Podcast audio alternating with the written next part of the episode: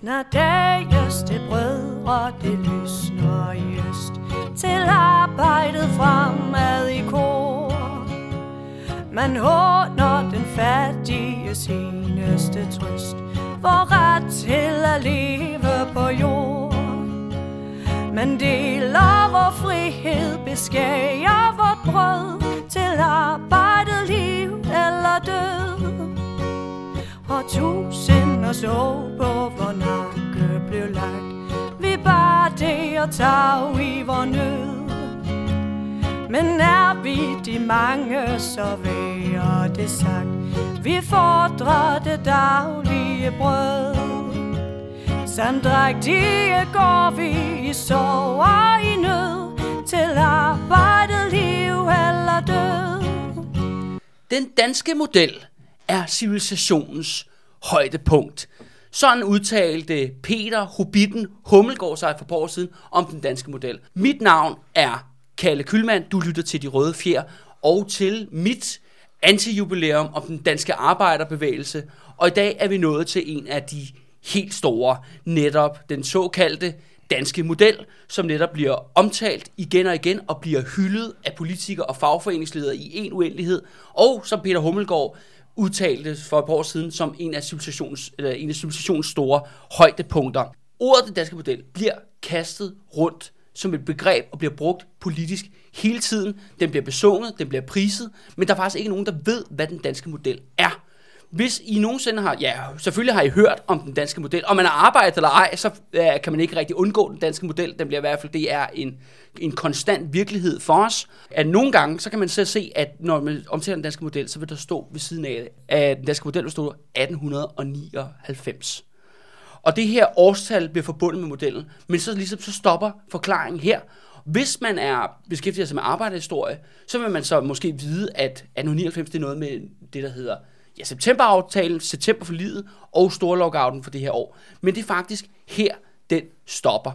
Og for netop at tale om, hvad der skete i det her år, og hvad det betød, øh, og hvad den faktisk den, den rigtige historie er, der har jeg inviteret dig, Nikolaj Lohmann, med herind for at tale om, ja, den danske model. Velkommen til, Nikolaj. Ja, tak skal du have, Kalle. Du er, er jo studerende ude for RUG. Du er i gang med at lægge de sidste hånd på dit øh, speciale.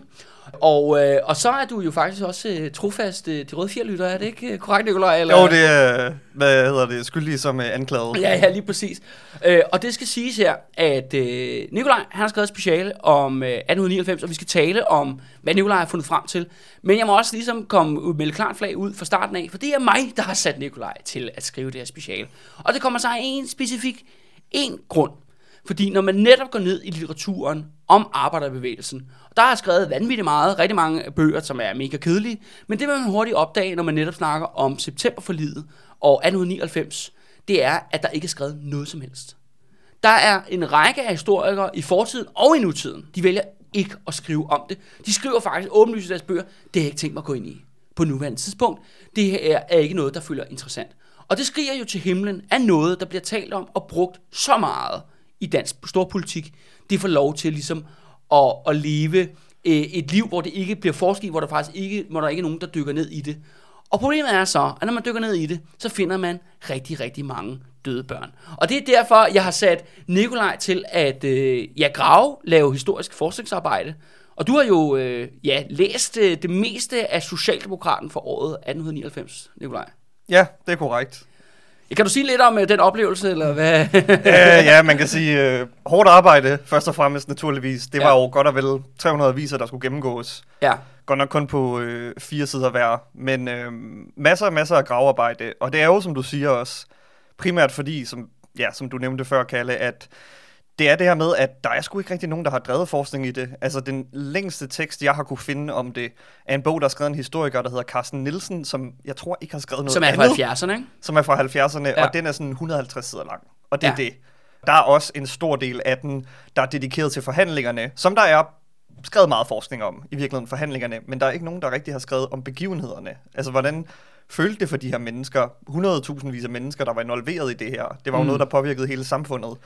Og det er jo underligt, kan man sige. Også i betragtning af, hvad, de, hvad kaldte de det selv? De kaldte det for borgerkrigen, eller for revolutionen, eller for broderkrigen. Altså de her Ja. meget, meget konfliktfyldte ord. Det var hele samfundet, der kaldte det det her. Altså både hvad skal man sige, det danske borgerskab og øh, Ja, altså både højrefløjens aviser, og, og så Socialdemokraterne selvfølgelig, som er arbejdervægelsens øh, hovedorgan i den her periode. Lige præcis. Og det er her, Nikolaj, at jeg vil godt allerede nu begynde at hive konspirs, øh, tage sølvpapirshatten på. Fordi det er da mystisk, at noget, der bliver brugt og talt om og hyldet som en af grundpillerne i Danmark, og det man skal være taknemmelig for, at den danske arbejderbevægelse har, er der aldrig nogen, der har bedrevet forskning i det. At det får lov til at ligge gemt, det er den danske model er sådan et slogan, det er et ord, det er en historisk reference til 1899, det ser man jo ofte, men der er faktisk ikke nogen, der ved, hvad der foregik i 1899. Nej. Det er også det samme, øh, det kan man sige, man, øh, om ham her historikeren Carsten Nielsen. Det er jo også en af de ting, han skriver, hvor han er mere sådan fra sådan et synspunkt, hvor han er sådan, det er sagt med øh, underligt, at der ikke er nogen, der har øh, givet sådan rigtig at kigge på det her, fordi det er jo sådan en smuk historie, eller sådan, det er lidt hans, hans take. Jeg synes måske, når man kigger i kildematerialet, så det er en, hvad skal man sige, en noget mindre smuk historie. Ja, mindre smuk, ja. Ja, helt sikkert. Jeg vil jo bare gerne, øh, jeg synes i hvert fald tak øh, til dig, Nikolaj, fordi at, øh, du har givet at kaste dig ud i det her kæmpe projekt, og grave netop og læse de her gamle øh, aviser med øh, krøllede bogstaver og alt muligt. Og så vil jeg jo godt lige have lov til at shame mine kollegaer inde på Arbejdermuseet og andre historiske institutioner, og endda også inde i fagforeningerne. Jeg har bare sådan, skam jer. Hvorfor fanden er der ikke nogen, der har taget det her op på et tidligere tidspunkt? Enten er det et tegn på, ja, dogenskab, eller du ved, man føder den på sine fede øh, statslønninger, eller også er det en bevidst politisk kampagne. Ja. Men det må være op til folk selv at, øh, at bestemme. Og nu vil jeg så tage, hvad hedder det, papirshatten af igen. Eller sølvpapirshatten af igen og lægge ved siden af. For nu skal vi snakke om øh, 1899. Og det, der kommer til at ske nu, er, at jeg kommer lige til at rise lidt op omkring perioden.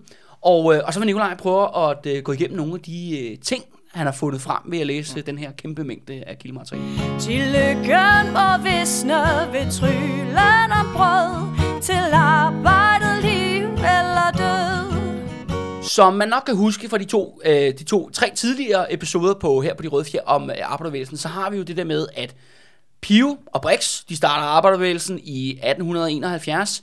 Pio stikker af i 1877. Brix bliver dræbt af myndighederne i 1881. Og som jeg også kom ind for i den seneste, de seneste par episoder om tømmernes diktator Karl von Petersen, så er, bliver øh, ja, partiet, fagbevægelsen, de bliver slået ned, øh, de bliver forfulgt af myndighederne, folk går i eksil, folk bliver, nogle bliver enkelte bliver dræbt, og der er rigtig mange, der har det mega nederen, og de bliver blacklistet. Øh, partiet, Socialdemokratiet bliver slået tilbage, fagbevægelserne bliver opløst, men i løbet lige så langsomt, i løbet af midten af 1880'erne cirka, der hvor Estrup-diktaturet, som jo er, ja det er jo den her periode, de sidste 35 år af 1800-tallet, hvor at Danmark bliver holdt i jerngreb af den her øh, konservative godsejer med navn øh, Jakob Estrup, som i partnerskab med det danske kongehus i form af Christian 9, de styrer sådan set Danmark uden om parlamentet, øh, Folketinget er et dommeparlament, som er fuldstændig ligegyldigt, og der er ikke organisationsfrihed, der er ikke ytringsfrihed, i hvert fald ikke som vi kender det i dag. Men i løbet af midten af 1880'erne, der kommer arbejdervægelsen så tilbage. De trækker sig simpelthen op af det hul, hvor Estrup har banket dem ned i. Øh, lige så stille og roligt. Man ser blandt andet, at partiet kommer ind i Folketinget i 1884 med to mandater, altså ikke særlig mange, et mindretals lille bitte parti. Og det samme sker med fagbevægelsen, især fra 1890'erne, hvor Karl From Petersen i, hos tømmerne kommer frem, de her nye fagbosser, der bygger, genstarter fagforeningerne, og de kommer frem. Og de vokser så stærkere og stærkere, de gennemfører en masse strejker, og de får flere og flere medlemmer. Og, øh, og det fører så op til øh, 1899. Og øh, Nikolaj, jeg tage, eller kan du tage historien herfra? Ja, altså man kan sige, det er netop, jeg synes man skal slå ned på netop det her med, at der er en meget stærk strækkebevægelse i gang heroppe igennem 90'erne i virkeligheden, ja. 1890'erne. Der har også været store strækker op til selve storlockouten bryder ud. Du har malerstrækken øh, et par år tidligere, tror jeg det er, som også er noget, der kunne begynde at minde om noget, der kunne føre til en større konflikt. Altså det her større clash mellem de her to organisationer, der nu øh, er oprettet. Altså de samvirkende fagforbund, øh, det moderne FH, Ja. øh, eller datidens FH, Ja, øh, og så arbejdsgivernes organisation, der også, de to er ligesom blevet cementeret på det, det, der her hedder tidspunkt. DI i dag, ikke? Dansk Industri, ikke? DA, tror jeg. jeg DA, tror, okay. men i hvert fald, de er ligesom blevet cementeret nu, og de ryger i større og større clinch med hinanden. Der er et par episoder, hvor det ligesom kunne være brudt ud, denne her store konfrontation imellem dem. Du har malerstrækken der for et par år siden, og så i starten af året, der har du en gammel lockout, der stadig kører, som er den her lockout fra det selskab, der hedder Titan. Ja, Så det vil sige, det er er en stor, metalarbejderne. for, stor fabrik, ikke? Ja, og det har kørt hen over vinteren og fortsætter faktisk ind her i 99 øh, indtil februar. Øh, og allerede her, der kan man se, at der ligesom går rygter i arbejdsgiverorganisationen om, at de vil tage og lave en stor lockout. Altså en general lockout af alle arbejdere i København, der er medlem af en fagforening. Ja. Så det er ligesom sådan, det er skitset op. Det er en periode med meget, meget, hvad kan man sige, øh, meget mere akut klassekamp, end vi måske kender det i dag. Øh, Ja. og, og selvfølgelig forhandlinger imellem de to organisationer, men meget mere udbredt med strækker og lockouter og de her forskellige ting. Og det her det er jo så den faglige front. Og det kan man faktisk også læse i de fleste øh, bøger, der står kort om emnet, du trækker den historie, du lige kommer ind på der, Nikolaj. Men der er jo også et politisk aspekt, som bliver slettet, som der ikke bliver påtalt. Og det er jo det her netop med Estrup-diktaturet af konteksten. Det skal siges, at Estrup har trukket sig som øh, øh, concierge-præsident i 1894, altså et par år før. Men det er for show. Det er Estrup-diktaturet uden diktatoren. Men det er stadigvæk diktatoren, der bestemmer for skyggerne. Der kommer nu en række andre, hvad hedder det, ja, det vil man kalde statsminister i dag, øh, efter Estrup. Men alle ved, at det er Estrup og Christian Lien, der stadigvæk bestemmer. Og her i 1899, der hedder statsministeren hedder Hugo Høring, som er, han er en tidligere departementchef, øh, jurist, som er ligesom er blevet høvet op af den her højre gruppe. Og der er flere ting i det her. Fordi man har en stærkere og stærkere arbejderbevægelse, men du har også de her, som du selv kommer ind på, Nikolaj, de arbejdsgiver, der ser tilbage faktisk til slaget på fælden i 1872. De så, at man med vold kan knuse arbejdervæsen og netop sætte den tilbage. Og det er jo det, som det hele handler om fra øh, i 1872 og helt, fra, ja, hele vejen faktisk til 1899. Det er, at det er arbejdervæsen, der skulle ligesom genvinde, overvinde, komme igen efter det her nederlag og fængselsophold til lederne og så videre, så videre, som vi allerede har kommet ind på. Og der er jo mange, der begynder at tro, at skal vi ikke bare have rerun af den her konflikt. Og samtidig er det også, at Estrup-diktaturet øh, synger faktisk på sidste vers. Man føler sig mere og mere presset fra øh, ja, venstre, fra bønderne ude på landet, forskellige andre politiske trends. Og der er også et element, som vi ikke kommer så meget ind på det i dag, men det er, at en række storkapitalister under ham, der bliver senere kendt som Øh, Danmarks Rasputin, H.N. Andersen, han er i gang med at lave en konspiration med yngre, øh, familie, øh, yngre familiemedlemmer af kongehuset, om at de skal gå et paladskup mod Estrup. Det er for netop at sørge for, at der kommer et regimeskifte fra toppen, før der kommer revolution fra bunden. Så alting går ind i en spids, når vi rammer året 1899. Helt sikkert. Og jeg tror også, hvis jeg lige må sige noget til det her Ja. med den politiske front. Du har netop også den her yngre generation af, hvad skal man sige, øh, kapitalister eller borgerskabet, der er begyndt at komme frem, og de kigger i højere og højere grad til venstre. Altså Ja, højre er jo i Fordi virkeligheden... de ikke er landbrugsfolk, de er godsejere. Højre er jo et godsejerparti på det her tidspunkt, og det er dem, der sidder tungt på magten igennem det her diktaturagtige system. Ja. Øh, eller bare diktatur, det kan vi også Ja, kalde ja. det. Lad os kalde det Øh, diktatur, Lad os kalde det diktatur. Ja. Og de sidder jo ligesom tungt på magten her, og Venstre blev ved med at vinde, øh, hvad skal man sige, øh, rent sådan øh, folkeafstemningsmæssigt. Ja. Øh, men højre trækker sig ligesom ikke, og Folketinget, som du har sagt, er det her dummy-parlament, øh, hvor Venstre egentlig ikke har noget reelt, hvad man magt. sige, De har et indflydelse. stort, stort flertal, men, Præcis. men, det, men de har ikke noget politisk magt. Præcis. Og det er en uholdbar øh, politisk situation, og det var faktisk tæt på, at vi jo netop havde en borgerkrig mellem Venstre og Højre i øh, 1885. Netop. Men hvor Venstre, ja, fordi de var nogle kujoner, de bakkede ud i, øh, i sidste øjeblik. Ikke? Præcis. Og jeg tror på den måde kan man ligesom se højre som det her udtryk for den gamle herskende klasse, altså godsadlen og de allerførste kapitalister, der så til højre.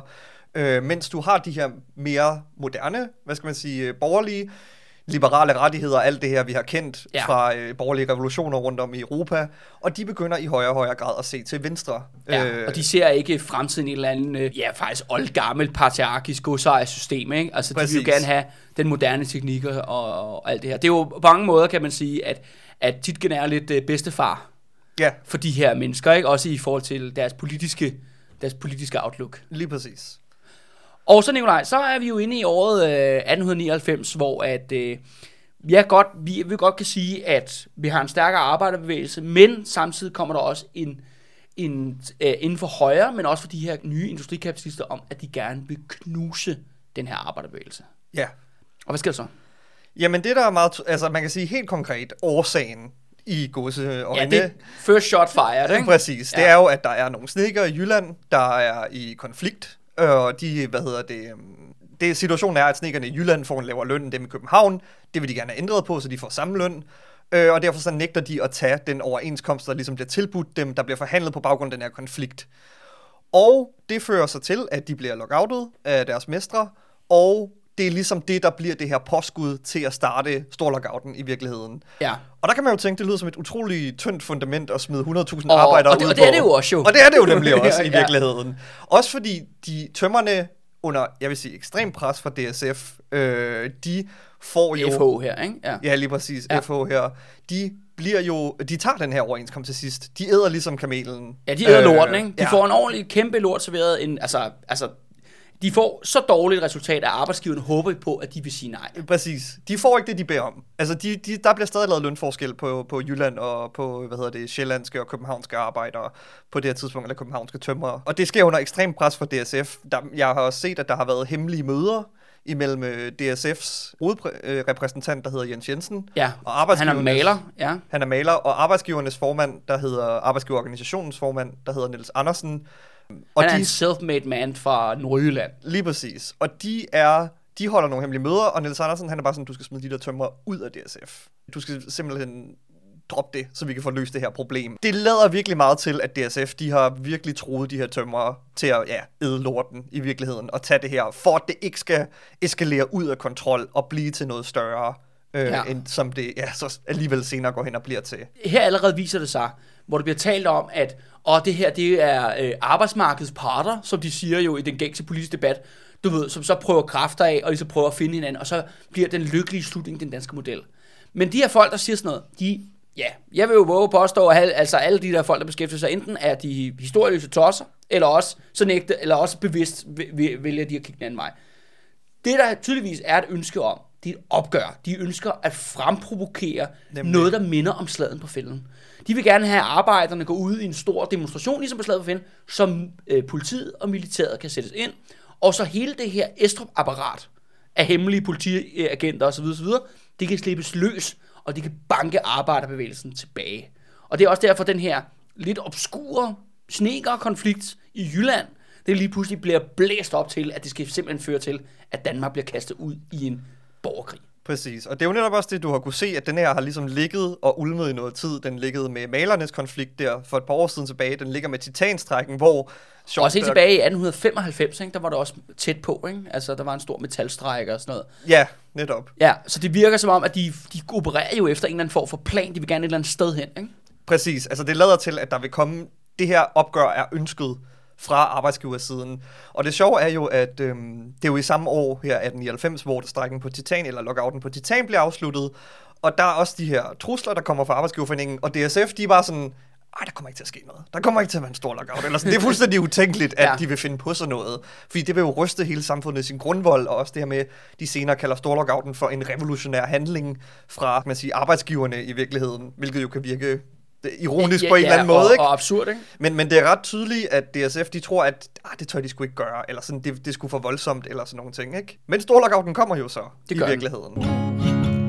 Og slævnes kun hadet den ulmende glød Til arbejdet, liv eller død Og, øh, og Nikolaj, kan du ikke øh, ja, fortælle os, øh, hvordan er det, hvad, hvad er det for et, et liv, de her arbejdere, de lever her i 1899? Jamen, man kan sige, man skal ikke... Man skal forstå, der er mange af de her faghistorier, hvis vi skal starte der. Der skriver det her med, ah, men der har også været nogle forbedringer inden for arbejderklassen øh, i løbet af 80'erne til 90'erne. Ja, netop på grund af den her fagbevægelse, der har strækket, Netop på ikke? grund af fagbevægelsen, ja. der har strækket og sådan nogle ting, og de har fået bedre boliger og bedre lønforhold og de her slags forskellige aspekter.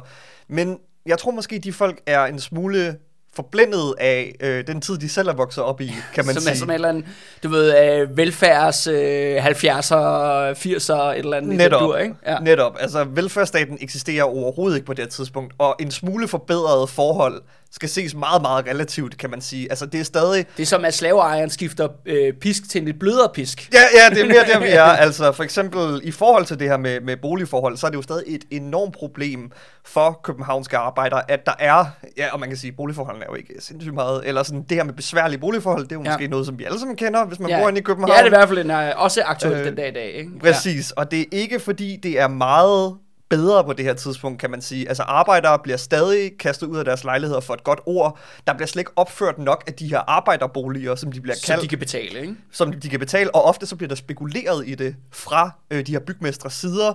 Og det er rigtig meget sådan, det er sådan lidt noget, øh, hvad skal man sige, sådan lidt øh, hestehandel, hvor det er sådan lidt, øh, åh, men så går de hen til arbejderne og sådan, ah, men du kan jo købe den her lækre villa ude i Valby eller på Amager, og du skal bare betale 1000 kroner for den, og det er jo et lån, du kan få og sådan nogle ting, ikke? Og så er det bare sådan en kæmpe skam, hvor de der arbejdere ofte forgældet ender med at gå fra den her lejl eller det her villahus, eller Ja. hvad fanden de nu har købt igen, ikke? Jo. Altså, det er en normal historie, som der optræder mange gange i Socialdemokraten, af den her spekulation i det. Den spekulation kan opstå, fordi kommunen, som lovede at bygge flere boliger til arbejderne, det gør den simpelthen ikke. Ja. Altså, der, der bliver ikke bygget de her Der er masser af tomme politiske løfter, og, øh, og det ja, Præcis, og Ja. situationen er også ekstrem, hvad skal man sige, øh, prekær for de her arbejdere. Altså selv dem, der har boliger. Jeg har for eksempel et øh, eksempel her, som jeg gerne vil læse op, Ja, som jeg har taget ja. med fra avisen.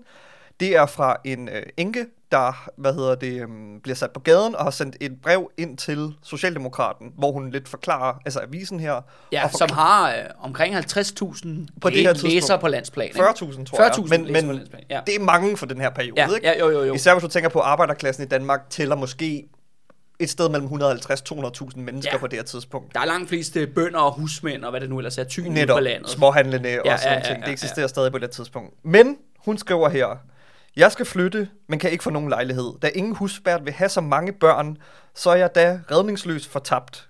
Knap med penge og intet hus over hovedet til mig og de små, uagtet jeg hver dag har løbet fra dør til dør. Nu har jeg ganske tabt modet. Den skam at komme på husvillaafdelingen kan jeg ikke bære. Nej, så heller gå fra det hele. Så nødig vil jeg, eller også gøre ende på denne triste tilværelse. Ja, Altså, hun siger basalt set, det går være, jeg ender med at begå selvmord. ja. Og det er, det er især det her med, at hun nævner med mange børn, fordi det er jo også meget normalt I den her periode, ja. for arbejderklassen. Altså, de har ofte en børneflok på mellem 4 og 6 unger, nogle gange mere end det også i virkeligheden. Det kan de der øh, husejere ikke rigtig lide, fordi det ved jeg ikke, børn larmer, eller ja, ja. ja. piller i tapetet, eller hvad fanden ved jeg ikke. Ja, ja. Så det, du ser ret tit, at folk bliver sat på gaden, simpelthen fordi de har for mange børn, og lejerne vil hellere have, du ved, et nygift ægtepar med nul børn, eller hvad hedder det, også øh, folk fra de bedre stillede lag i samfundet, hvor du ofte har færre børn i Ja. virkeligheden. Ofte en eller to eller tre børn. Men nu bringer du også ind i det her med, med selvmord. Ja, Og det er jo ikke noget, vi taler så meget om, øh, desværre jo i den Danmarks historie, men Danmark har jo faktisk haft et historisk ry for, at vi altid har haft en vanvittig højt selvmordsrate.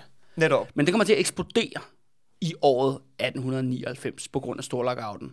Og det ved jeg, har du noget at sige til... Øh, Jamen helt bestemt. Altså, jeg har jo øh, jeg har lavet en lille liste over Ja, ja, ja, de selvmord, som vi oplever i øh, 1899. og, og, og, det kan man, og det er jo så eksempler fra avisen. og det er netop og det skal jo siges, det er jo ikke avisen. fuldstændig det hele billede her, men øh, det er nogle, øh, nogle gode, eller grælde eksempler, ikke? Præcis. Øhm, og man kan sige, det er også det, jeg har opdaget. Altså, der er ret mange selvmord i den her periode, allerede før Storlockouten, og rigtig mange af dem er simpelthen forårsaget af økonomiske problemer, altså man ikke har penge nok i virkeligheden, Ja. eller arbejdsforhold og sådan noget. Og det er rigtigt igen det her med, at arbejderne er utrolig prekært stillet på det tidspunkt. Der er jo ikke noget, der hedder social understøttelse, hvis du Jeg bliver tænker syg. også, at det der med, at du snakkede før om, at deres forhold var blevet forbedret, Nikolaj, men lønningerne er vel elendige, ikke? Lønningerne er stadig elendige. Altså, men det, der er et større problem, det er jo meget det her med, hvis du går fra arbejdet. Ja. Der er altså ikke noget øh, dagpengesystem, der lige kommer og griber dig så. Nej. eller sådan noget. Staten har et eller andet øh, sådan fattighjælpssystem, men det svarer til 7 kroner om ugen, hvilket er, selv på det her tidspunkt, ekstremt få penge. Især Ja. hvis du har en børneflok på 5, 6, 7 unger, Og du mister jo din politiske rettighed. og du mister din politiske Ja, man mister simpelthen sin, uh, sin stemmeret. Man bliver en ikke-person. Man bliver en ikke, nu gælder det selvfølgelig kun mænd, skal det siges i den her periode. Men man bliver simpelthen ikke person, hvis man tager imod den her hjælp, og som er er fuldstændig et tegn på desperation, hvis man tager imod de der penge. Og det andet element er jo også, at rigtig mange folk jo oplever jo sult i perioder, især om vinteren, Ja, hvor når, arbejdet, især i byggeriet, eller på fabrikkerne, går i stå, jamen så bliver folk kastet på gaden, og de, og de er sultne, og så løber de ned til pantelåner og pansætter alt, hvad de har, for at komme igennem en måned, og bare, du ved, higer sig fast til, at det næste forår kommer, og jobbet og, og byggeriet og industrien går i gang igen, og så kan man få føde, og så handler det bare om at spare så meget op, til den næste sult kommer tilbage. Og det er jo virkeligheden for 100.000 vis af mennesker. Men øh, Nikolaj, øh, tilbage til, øh, til selvmordene. Ja. Jamen altså, man kan sige, ja, som sagt, der er allerede en del af det her, øh, hvad skal man sige, selvmord, der sker relateret til dårlige økonomiske stillinger. Altså, du mister dit job. Der er rigtig meget, der sker Desperate i forhold... mennesker begår selvmord. Ja. Det er, der er rigtig meget, der sker i forhold til sygdom, fordi så skal du også begynde at betale for din medicin. Det Ja. er heller ikke noget, som staten bare kommer og giver dig. Øh, og så kan du ofte ikke få de der 7 kroner, du får i støtte til at slå fast. Øh, og så er der simpelthen mange, der bare vælger at tage vejen ud derfra. Men der er helt klart en stigning af selvmord, der sker her i forbindelse med storlockouten, da den ligesom bryder ud. Netop fordi, ja, altså der, der er jo ingen understøttelse. Du har strækkekasserne, der ligesom hjælper folk på en måde, men det er også det her med, det er simpelthen bare heller ikke nok til at få folk til at slå til på en eller anden måde, eller få det til at slå til for folk på en eller anden måde. Der er masser af eksempler i løbet, mens storlockouten bryder ud. Den 25. maj, der har du for eksempel en gammel svedesvend, der øh, skyder sig selv. Ja. Øh, og det gør han eksempelvis, fordi, påstår avisen i hvert fald, at det er fordi, han kan især ikke få arbejde her under lockouten, også fordi han var aktiv i strækken i 1885. Så han er sådan blacklistet. Agtigt. 1895, ikke? 95, ja. ja. ja. Nå, han er simpelthen blacklistet. Og det er jo en anden ting, ja, med det her Estrup-perioden her, at, at socialdemokratisk, socialistisk indstillet arbejde bliver så sat på lister, øh, så de aldrig kan få arbejde igen, for simpelthen at ramme dem økonomisk. Ja. Så det er også det der med, at, at lockouten, og det skal jeg også for lige forklare, måske lige sige, hvad en lockout er, Ja. øh, til for de uindvidede. Altså en lockout er, når arbejdsgiveren siger til alle sine arbejdere på en fabrik for eksempel, I kan bare tage hjem nu. I, I kan ikke komme på arbejde, jeg har sådan set lukket fabrikken, eller også så kører man skruebrækker ind i stedet for. Ja. Altså folk, der tager ja, konflikt, konfliktarbejde. Ja. Øh, ja. Og det er jo også den her, lockouten rammer jo en mega bredt. Det er jo den største jo hidtil i Danmarks historie. Det er den største hed til i verdenshistorien. Ja, altså det- relativt set i forhold til befolkningstallet. Og det, er og det er jo også en anden ting, som jeg synes, det der er fascinerende, det der med, hvorfor vi ikke diskuterer, hvad der skete i 1899. For det er faktisk en af de få gange, at begivenheder i Danmark har ryddet forsider internationalt. Hele vejen over i USA har man fulgt det her i aviserne, hvad der skete, fordi alle tænker, gud, det er virkelig interessant, at, øh, at ar- overklassen i Danmark prøver at smadre deres arbejderklasse igennem øh, sådan en, faglig, en faglig kamp som en stor lockout. Og det er også noget, der har skabt øh, enormt meget international solidaritet til arbejdervæsenet. De har fået mange penge tilsendt, blandt andet fra amerikanere, men selvfølgelig også bredt i Europa, og man sendte mad og hjælp, og øh, der var også en masse arbejdere øh, fra Danmark, der tog øh, til Norge og Sverige og Tyskland for at finde arbejde der, fordi ja. der var ikke noget. Men det er også det der med, lockouten er designet og tænkt som, at den skal presse en desperat ar- arbejderklasse, men også arbejderorganisationerne til en eller anden form for opstand eller demonstration, så militæret kan blive sat ind. Helt bestemt. Det er det, som jeg ser er den røde tråd i det her. Ikke? Det, det virker ekstremt øh, åbenlyst, at det er ligesom, at det, man vil prøve at gentage slaget på fælleden. ja, kort i sagt. en eller anden form. Ikke? Ja. ja. Og det ved Socialdemokratiet og DSF's ledere godt, at det er det, man pynser på. Fordi er du færdig, hvor prøver de virkelig sådan at holde tilbage i det her? Ja. Det er virkelig, man kan sige, der kommer aldrig nogen større konflikt i Storlockouten. Altså arbejderne begynder aldrig sådan for alvor at tage kampskridt. øh, Nej, nej, der er ikke, fordi eller der er gadekampe eller- Nej, eller præcis. sådan noget. det foregår, forløber sig faktisk meget stille og roligt. Men det er bestemt ikke, fordi lysten ikke er der hos arbejderne. Altså, der er mange gange citeret, hvor de her ledere fra Socialdemokratiet og DSF, de ligesom bliver nødt til at sætte en bremse på bevægelsen. Og det er især i starten af lockouten, da den bliver erklæret. Der er virkelig mange af dem, der ikke bliver lockoutet. Man kan sige, det starter ikke med 100.000 arbejdere, der bliver lockoutet. Jeg tror, det starter med en 30 20-30.000 arbejdere for et fag. Og så eskalerer konflikten ligesom løbende, og du når op på det der tal. 120.000, tror jeg, da den topper. Men i starten af den allerede, der er rigtig mange arbejdere i de her ikke lockoutede fag, der sådan er, vi skal da lave en stor strækkebevægelse som modsvar på det her, for at presse arbejdsgiverne med det samme. Altså ligesom foregribe ja. Det, der så kommer til at ske senere hen.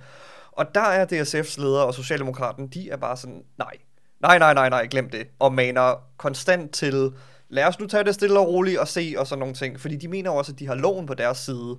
Fordi de, det er jo igen det her med sådan, den her teknikalitet, som Storlockouten blev kaldt ud på, den er jo løst. Tømmerkonflikten eller sneakerkonflikten der i Jylland er løst. Altså det er sådan, de må ikke gøre det. De prøver at være sådan, de prøver jo at appellere til, til loven i virkeligheden, og være sådan, jamen arbejdsgiverne må ikke gøre det, de har gang i. Hvorfor er der ikke nogen, der gør noget? Eller sådan, ikke? ja, altså, ja, ja, ja. Og det er jo også uh, Jensen der, som er jo så formand for FH, eller DS, uh, DSF, som du kalder det der, eller som det hed dengang. Ja. Han er jo også ude at sige på tidspunkt, Socialdemokrat, jo, han er jo bange for at blive plukket ned med maskingevær. Præcis. Jeg har faktisk fra hans tale, altså Storlockouten bryder jo officielt ud den 25. maj. Og allerede den 30. maj, der indkalder DSF og Socialdemokratiet til en stor øh, demonstration, eller et stormøde, kan man sige, hvor de ligesom diskuterer det her, sådan, hvad satan skal vi lige stille op med de her ting, ikke? Og der skriver han, der er øh, hans tale er refereret i Socialdemokraten, og der skriver han så, Personligt føler jeg mig til i overbevist om, at fællesudvalget vil erklære lockouten for et rent og klart kontraktbrud. Sker dette, må arbejdskøberne enten bøje sig og give sig erstatning, eller også må de fortsætte krigen og bryde sig fejl om alt, hvad der hedder voldgift og dom. Der vil tiden være inde for os til at gribe aktivt ind i kampen. Jeg har til alle henvendelser svaret, lad os ikke begå overilede skridt. Først voldgift, før vi kan tage offensiven. Det har været os umuligt at forudse sådan en kalamitet som den nuværende. Jeg forstår, at hammen hos arbejderne er dyb og inderlig, og at de ønsker at tage repressalier. Jeg siger, betving disse følelser. Lad et hvert skridt, vi foretager, være velovervejet. Kun da kan kampen gennemføres. Arbejdskøberne spekulerer for uden i sulten også på raseriet, og deres spekulationer skal slå fejl på begge felter. Vi vil ikke have kugler fra repetergeværer i stedet for brød. Ja, Det er et udsnit fra hans tale. ja. Og jeg synes i virkeligheden, der er mange elementer i den her tale, der er rigtig interessant at snakke om. Altså, han siger jo meget det her, igen det der med sådan, det, hvad skal man sige, rent juridiske aspekt af den, hvor han er sådan, der er begået kontraktbrud, og det er arbejdsgiverne, der har gjort det. Så han er sådan, du ved, det fikser det der domsudvalg lynhurtigt, og så skal de give os repressalier, og så kører bussen videre, som den altid har gjort, ikke? Øh, med forhandlinger og slut på lockouten og så videre. Men så siger han jo også det her, men hvis det ikke sker, så kan vi gå i offensiven. Mm. Og man kan sige, rimelig hurtigt, så viser det sig jo, at arbejdsgiverne, øh, eller det her domsudvalg, ikke dømmer arbejdsgiverne. Men der bliver bare aldrig taget det der skridt, han så lover med så at gå i offensiven. Ja. I virkeligheden. Vi skal jo igennem tre forskellige forhandlingsudvalg, før septemberforlidet så falder på plads, Ja. 100 dage senere efter det her er brudt ud. Og aldrig på noget tidspunkt gør DSF eller Socialdemokratiet alvor af den her trussel, som de siger, eller som de i hvert fald fortæller arbejderne, er sådan, du ved, så går vi i offensiven. Ja. De siger det mange gange, hvor de sådan, ah, men nu vil vi ikke finde os i det mere. Bare sådan, vent lige en lille bit smule, gutter, og så... Men, men det, er, det er jo giver også god mening som taktik, det der med, de ved jo bare, at officererne, politiet, godsejerne, fra, altså kapitalisterne og sådan noget, de sidder bare og venter på, hvem er den arbejder ude på Vesterbro, der kommer til at kaste den første sten. Ja, Så vi kan sætte blodhundene løs på dem. præcis. Og der siger jo øh, de socialdemokratiske ledere jo, altså, ja, lad være med at provokere dem, ikke? Jo, jo. Fordi at de, de vil have et blodbad, de der mennesker. Ja. Og hold igen, hold igen. Vi bygger en guldgrav, tyranner for brød, til arbejdet, liv eller død. Men Nikolaj, øh, jeg synes ikke, vi fik rundet helt færdigt med selvmord der. Nej, det gjorde vi ikke. Jamen altså, vi kan... Og, og, og det er for, for at sige, den her lockout, situationen er desperat, Ja, inden det her begynder. Men så begynder lockouten. Og så er det jo også en, en ting, man kan blandt andet se med de her selvmord, ikke? præcis. Altså, der er flere... Det er sådan meget sporadisk, hvornår de ligesom bliver optrappet og sådan nogle ting, eller hvornår de ligesom falder Ja, ind i ja det kræver også, at de kommer i avisen i det hele taget. Netop, jo. der er altså, sikkert- Og det, er, det er jo ikke, fordi Socialdemokraterne er en komplet kildesamling til Nej, alt, hvad der skete det år. Jo. Overhovedet så. ikke. Der er sikkert masser af ting, der ikke bliver registreret, men så har du lige en gang imellem, du ved, "Nå, men så, skal, så er der ikke lige noget om selvmord den her dag, og så, Ja. sådan, så har du 6. juni, hvor der er tre selvmordsforsøg hos forskellige arbejdere, altså Ja. på en dag. Ja. Og så har du også mange, der sådan Det, det eksplicit... skal måske også lige siges, at altså, Socialdemokraterne, som har vist den her gang, at det er jo en politisk avis med en politisk agenda, som ja. Jo ligesom Socialdemokratiets hovedorgan, øh, men det minder også ret meget om Ekstrabladet. Det gør det. Fordi at der netop er rigtig meget med mor og kriminalitet og Ja, selvmord. og og ildebrænder, og jeg skal komme ja, efter ja, dig. ja, og børnemishandling, og alt og prostitution og så videre, og så videre. Ja. Det elsker de at rapportere om, og, og det gør de både fordi, at det er jo relevant for arbejderklassen, fordi at det, Ja. ja. det er sådan noget, der foregår, det er, hvor de bor. Øh, og det andet er, at de vil selvfølgelig også gerne sælge aviser. Folk kan godt lide den her slags øh, stof. Men de gør det jo også, fordi at for dem er det også en måde at udstille det kapitalistiske samfund på. Og ligesom gøre opmærksom på alle de dårligdomme, der findes i samfundet. Prøv at se, hvor gralt der er, ikke? Du Netop. skal ikke tro, du lever i et eller andet idyllisk øh, dansk paradis. Og det, og det gør de mere eller mindre eksplicit. Der er meget af de her artikler, der bærer præg af sådan rapporteringer, bare sådan, du ved, åh, så skød han sig selvagtigt, ærgerligt bævligt. Men der er også mange, der skriver sådan, og det er derfor, at, eller, og det er resultatet af at bo i kapitalismen, at du bliver tvunget ud i de her ting. Ja. Altså, nogle gange så stikker artiklerne lige et spadestik dybere Ja. i analysen, og andre gange, der er det sådan lidt ekstrabladet, du ved, skyderi på Nørrebro-agtigt Ja, ja, agtigt ja, ja, i den ja. stil, ikke? Nå, men øh, selvmord. Ja, og så kan man sige, der er også mange af de her selvmord, der bliver rapporteret som direkte relateret til storlockouten. Der er for eksempel her fra øh, den øh, 29. juni, altså et godt stykke inden i storlockouten, hvor der er en øh, maskinarbejder, en 20-årig maskinarbejder, rimelig ung gut. Ja, rimelig ung gut. Han, han bliver simpelthen sådan sindssyg af, at lockouten bliver erklæret. Altså, han ikke kan finde noget arbejde. Nej, han er simpelthen desperat, ikke? Præcis. Øh, og han kan jo godt have haft nogle lidelser for inden eller sådan nogle ting. Ja. Men den her lockout, og det her med, at han ikke kan finde arbejde, dårligt kan få huslejen til at slå fast, og de her slags ting, det gør jo, at han faktisk prøver at skære halsen over på sig selv med en kniv. Ja. Og så rent tilfældigvis, så På kommer han... arbejdsplads, eller hvad? Nej, derhjemme. Derhjemme, ja. Og rent tilfældigvis, så bliver han så stoppet af hvert ende, der kommer ind og bare sådan, hvad satan er det, du har gang i her med den her brødkniv, ikke? Og samme dag, den 29. juni, der har du så også en episode med øh, godt nok en finsk arbejder, der er kommet til København, Og de er jo let til kniven, jo. og de har let til kniven, men han for, øh, forsøger i virkeligheden bare sådan at drukne sig selv i kanalen. Han er kommet til København, har prøvet at få arbejde, så han bare sådan, gud, der er storlockout her, eller sådan nogle Ja. ting. Har ikke gjort det. Han har jo nok Og han også kommer fra Finland, som er meget, meget fattigere sted på det meget, meget fattigere sted og underlagt Tsar-Rusland. Ja, ja, ja. Øh, så heller ikke det fedeste sådan, demokratiske system, vi kender det. Ja, altså fra et diktatur til det andet. Ja, ja, ja, præcis. Altså, men han kommer så dertil, at desperation, må man tænke, for at søge arbejde, kan ikke finde noget og prøver så at drukne sig selv, og han bliver så godt nok reddet af en havnearbejder, der springer i øh, kanalen ja, efter ham, ikke? Ja, jo, jo, jo. Men det er for at sige, at det her er relativt normalt i virkeligheden. Der er flere e- episoder med en øh, arbejdsmand, der hænger sig selv. Så er der to selvmord, der er direkte relateret til storlockouten, hvor for eksempel du har den her øh, en 34-årig arbejder, som simpelthen har mistet alt på grund af lockouten. Altså hus, bolig, Han har hjem. pansat alt, hvad han havde. Han har pansat alt, hvad han havde. Det går dårligt med familieforholdene, det hele. Øh, han ender med at springe ud af et vindue fra fjerde sal, eksempelvis. Øh, Ja. Og dør så på hospitalet af sin kvæstelse, ikke? Og det samme med en, en 45-årig øh, arbejderformand, som også hænger sig selv, efter at formændene på hans fabrik bliver øh, lockoutet. Ja, Der er meget af det her, der i virkeligheden er relateret til direkte storlockouten og de konsekvenser, den har for Ja. folk. det er lidt sådan interessant at, at, at spekulere på, hvor meget øh, tallet stiger. Og, og vi, vi har jo også, øh, jeg skal sige, jeg har også været en del af den her Nikolaj specialskriverprojekt, og har kigget på nogle tal.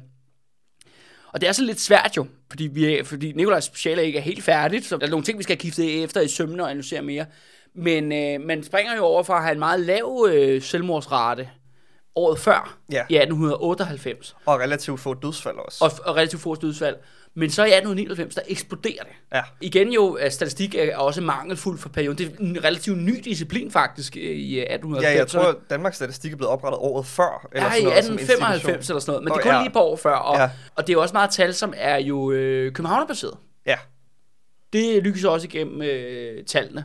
det gør det. Som jeg husker det i hvert fald, Nicolaj, kan det passe, at det er omkring 700 Ja, registreret selvmord i København? den netop registreret selvmord i den her periode. Ja. Og jeg tror måske Og for i Danmark før... i dag er det omkring, hvad er det, 400 om året eller sådan noget?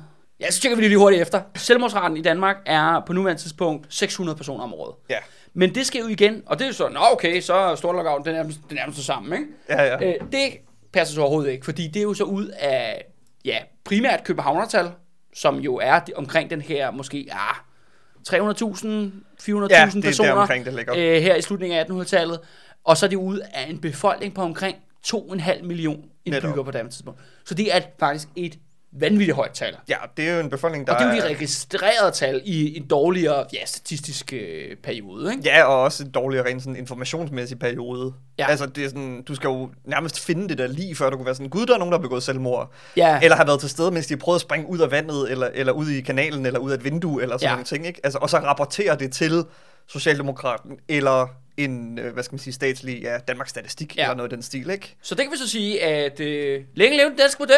Ja. Der fik vi lige 700 øh, lige kastet på bordet øh, til hyldest for det civilisationens højdepunkt.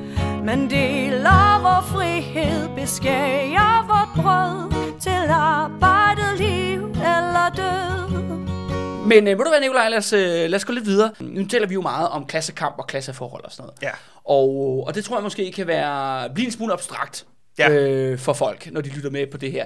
Så jeg tænker, at øh, vi kunne lidt snakke om, hvordan relationerne er mellem klasserne. Fordi du har jo også kigget lidt på, øh, er det ja, politiet og, og øh, militæret, øh, hvordan de behandler deres behandling af normale øh, mennesker. Jeg har jo for eksempel et citat her, godt nok, øh, fra en øh, historiker, der hedder Jens Ingberg, som Ja. godt nok handler om perioden i 70'erne, men jeg vil sige, det er stadig meget øh, beskrivende for, hvordan situationen har været, også herop i, Ja. i slutningen af 90'erne.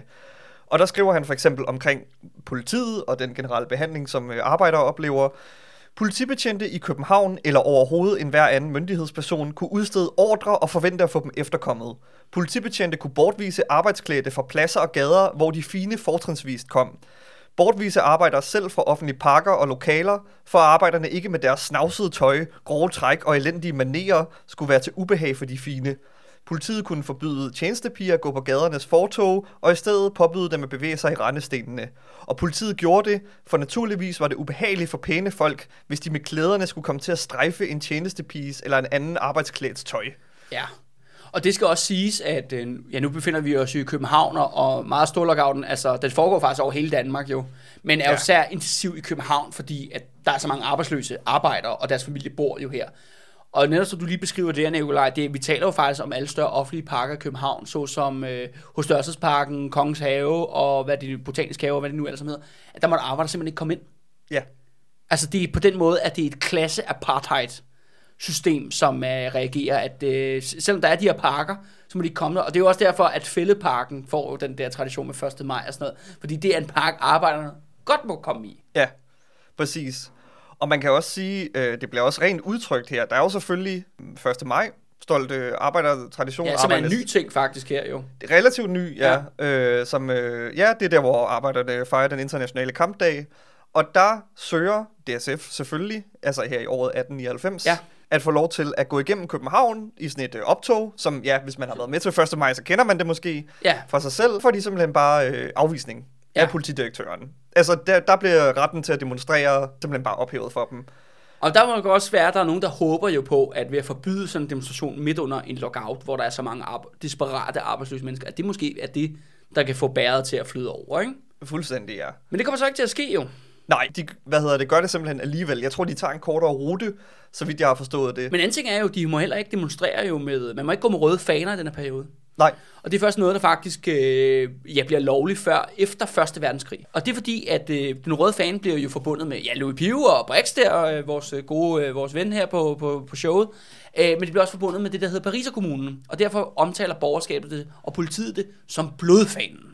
Det er, når man ser den røde fane, jamen, så tænker man på blod og henrettelse af de rige, og derfor kan man ikke have sådan en klud hængende, Nej, blodklud nej, er hængende klart. i gaderne. Og derfor må man faktisk ikke flage med det røde flag. nej, og de må i hvert fald ikke gøre det 1. maj, fordi det ikke er anerkendt som en officiel festdag. Det Ja. er også politimesterens undskyldning, men som Socialdemokraterne de også skriver, det var godt nok mærkeligt, at de borgerlige så hele tiden må demonstrere for øh, Estrup, da han blev indsat som konseljpræsident, Ja. hvor de sådan, det er jo heller ikke en festdag. øh, Altså, nej, øh, nej, nej. altså dagen, hvor han blev installeret som diktator. Ja. Der måtte man godt øh, feste ud af, og store Ja, men, men det er jo demonstrationer. med Dannebro, Nikolaj. ikke? Jamen, det er det. ja, som også øh, heldigvis er der et dejligt øh, hvidt kors til Præcis. at ødelægge den, øh, den røde farve. Ikke? Det er det. Ja.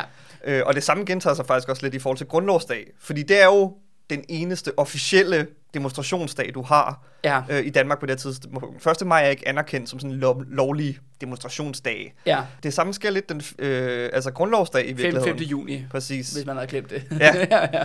Hvor de også bliver øh, separeret fra Venstres valgfest, for eksempel. Altså Socialdemokratiet og Venstre, må Altså er det politiet, der pålægger dem Ja. det, eller hvad? Ja. det er også politiet, der pålægger dem det, at de ikke må holde valgfest sammen.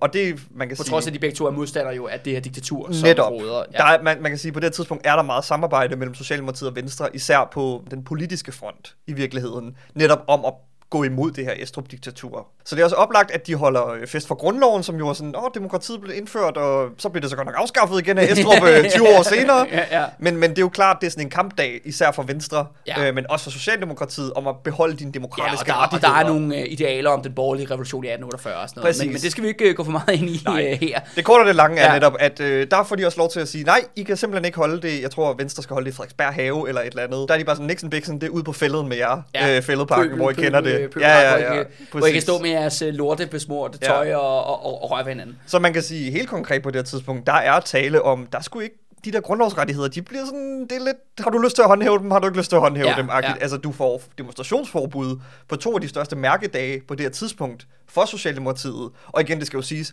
de borgerlige må godt fejre Estrups øh, indsættelse Men og de det er, bare, det er jo øh, markant, fordi at det netop er den her totale vilkårlighed. Og man ser nogle andre Ja. år tidligere faktisk, der har de faktisk fået lov til at gå i de her optog alligevel. Så det er tydeligt, som hvad jeg vil i hvert fald argumentere for, at det netop er et forsøg på at fremprovokere den her vold, som de hele tiden gerne vil opnå. Ja. Men øh, Nikolaj, lad os lige blive ved politiet. Ja, fordi jeg tror også, man kan sige, forsøg på at frembruge den her vold, jeg tror også bare, det er sådan et indspist klassehad til ja. Den her øh, nye arbejderklasse i virkeligheden. Og deres organisationer, ikke? Præcis, altså de får voksne indflydelse igen, ikke? Det hænger jo også sammen med det her med, at man vil gerne prøve at knække dem en gang til. Men ja, lad os blive ved politiet. Det er, sådan, det er jo meget det her med, politichefen forbyder det bum, bum, meget officielt men på sådan en helt lavpraktisk plan, der er politiet behandler heller ikke folk øh, skide godt på det her tidspunkt. Hvad kan man sige? Sindssygt eksempel, jeg har fundet på det, det er med overbetjenten ude på Amager. Der er en episode, hvor der er en arbejder, han har købt noget øl hos en ølhandler. Ølhandleren har ikke leveret alt det øl, øh, som han har bestilt, så han har ikke givet at betale for det hele. Og det anmelder ham her ølhandleren så til politiet, og bliver han hentet midt om natten af politiet og sat over for ham her, øh, hvad hedder det, overbetjenten, som så øh, siger til ham, de er en af de såkaldte frie arbejdere. Nej, ved de, hvad de er? Er meget høflig med de, og så videre. Ja, ja, Selvfølgelig det jo, ikke, øh, men, man men holder det bliver ikke så jo høfligt. dengang, jo. Ja. Ja. Nej, ved de, hvad de er? De er dyr i menneskeskikkelse. Og så fortsætter han, der arbejder han prøver at indvende, og bare sådan, det ved jeg sgu ikke, om jeg er, agtigt, ikke? Jeg ved sgu ikke, om jeg er dyr. ja, så er han bare sådan, hold kæft din hund, du er så dum, at det lyser ud af øjnene på dig. Og fortsætter så også, de frie arbejdere er nok det værste rak, der kan gå på jorden. Jeg regner dem ikke for det skidt, jeg træder på. Og at han ikke kunne forstå, og så siger han, og så ham arbejder han bare sådan, hold da kæft, eller sådan noget ting, og det kommer også sådan et håndgemæng, hvor han slår ham op i væggen, øh, politibetjenten herovre for arbejderen, og, han, øh, så da arbejder han så ligesom får lov til at gå endelig, så får han lige den der kommentar med på vejen, hvor øh, overbetjenten han så siger, at han ikke kunne forstå, at jordmoderen ikke havde drejet halsen om på ham. Det er sådan meget, du ved, hentet kl- klokken 4 om natten hyggeligt øh, ind til overbetjenten, der bare fuldstændig overfuset der, og mere eller mindre tror dig med at slå dig ihjel. Ja, ja, ja, ja. ja. Det, er- der er spæk for skillingen der. Til lykken må visne ved tryllen om brød Til arbejdet, liv eller død Der er jo også spørgsmålet om, øh, om militæret, fordi det ligger jo en, øh, det ligger jo ligesom i baghovedet her på alle folk. Ikke? Jensen siger, at han er bange for at blive skudt med maskingevær. Ja. Og det er jo det der med, at der hele tiden er truslen. Så en ting er, at politiet selvfølgelig jo har de her ja, sammenstød med arbejderne, giver dem nogle tæv, når de kan komme afsted med det på, øh, på de diverse gadehjørner. Men hvad så med, øh, med ja, militæret? Jamen, man kan sige, at militæret er jo på det tidspunkt på en eller anden måde, hvor de her to klasser også møder hinanden meget, ikke? Jo. Du har officerskorpset, der ofte er øh, fra det bedre borgerskab, eller fra gamle landejere og sådan nogle Ja, ting, ikke? godsejere, øh, Præcis. s- yngre sønner og så videre, så videre. Og så har du øh, de menige, som ofte De er... værnepligtige. Præcis, altså ofte er arbejdere eller bønder i virkeligheden, ikke?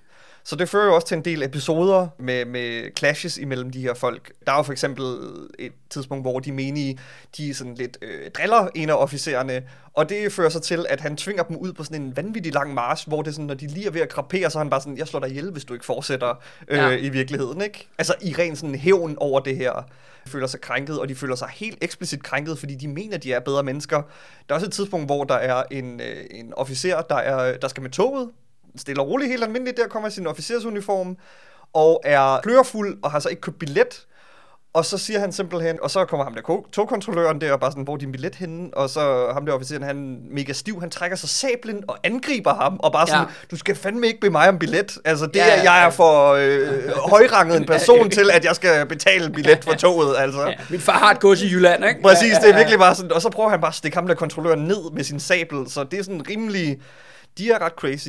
Ja. Og så er der selvfølgelig den Så her, som det, man ser af politiet og officererne, der er en dyb, dyb foragt fuldstændig. for normale mennesker. Og de ikke? føler sig helt klart hævet og, og, over og det er jo faktisk ikke mennesker. dem, der er de voldelige. Ja, Eller det er dem, de starter de her voldsepisoder i hvert fald. Helt bestemt. Og der er jo også episoder med, at de øh, bryder ind og så tæver arbejdere, der har været i strække og sådan nogle ting. Ja. Altså officerer igen, øh, hvor de helt aktivt bliver brugt øh, som våben i arbejdskonflikter. Og så kan man sige, der er også mange af dem, der åbenbart bare er nogle rigtige svin, fordi så har vi jo også en episode på Fyn i Odense, hvor der er en løjtnant, der øh, voldtager en, i situationstegn, meget ung pige, som avisen forklarer. Ja, og hvad, Øh, hvad er det, Nicolaj? Hvad, hvad er en ung pige? Jamen, det er fandme et godt spørgsmål. Altså, Altså, det må være sådan noget øh, 14, 13, Ja, hun 14, skal 15 være under år, ikke? 15, ikke? Ja, de siger aldrig hendes alder, Ja. men det må være i den der Ja, ja, kategori, tænker jeg, ikke? Meget Øh, ung. Ja, altså, kan det være nede sådan en 11-12 år, tror du? Ej, det tvivler jeg på, fordi Ja, okay. øh, han, hun blev inviteret på vin øh, af officeren, ikke? Ja, okay, yes. Så det må, jeg tænker de der 13, 14, Ja, 15, ja. noget i den stil, ikke? Det er aldrig sagt i avisen. Men i hvert fald, og hans øh, medofficer, han nægter at skride ind, fordi han, og jeg citerer, ikke kunne bryde sit løfte til en kammerat. Og så tilføjer ham her medofficeren så helt koldt bare sådan, hun må finde sig i sin skæbne. Du, Ja. Sådan er det. Hun må finde sig i, i voldtægt. Sådan er det. Ja, altså, ja, du ja. ved, der kommer en stor kanon her, øh, løjtnant i den danske her, og sådan er det. det, er- der er jo tale om en eller anden form for, hvad skal vi kalde det, konspiration eller samarbejde, eller hvor at arbejdsgiverne prøver at fremprovokere en opstand. Ja, Politiet prøver jo så at ligesom gøre sit. Ja. ved at forbyde store øh, demonstrationsmærkedage i løbet af det her, de 100 dage, som storlockouten varer.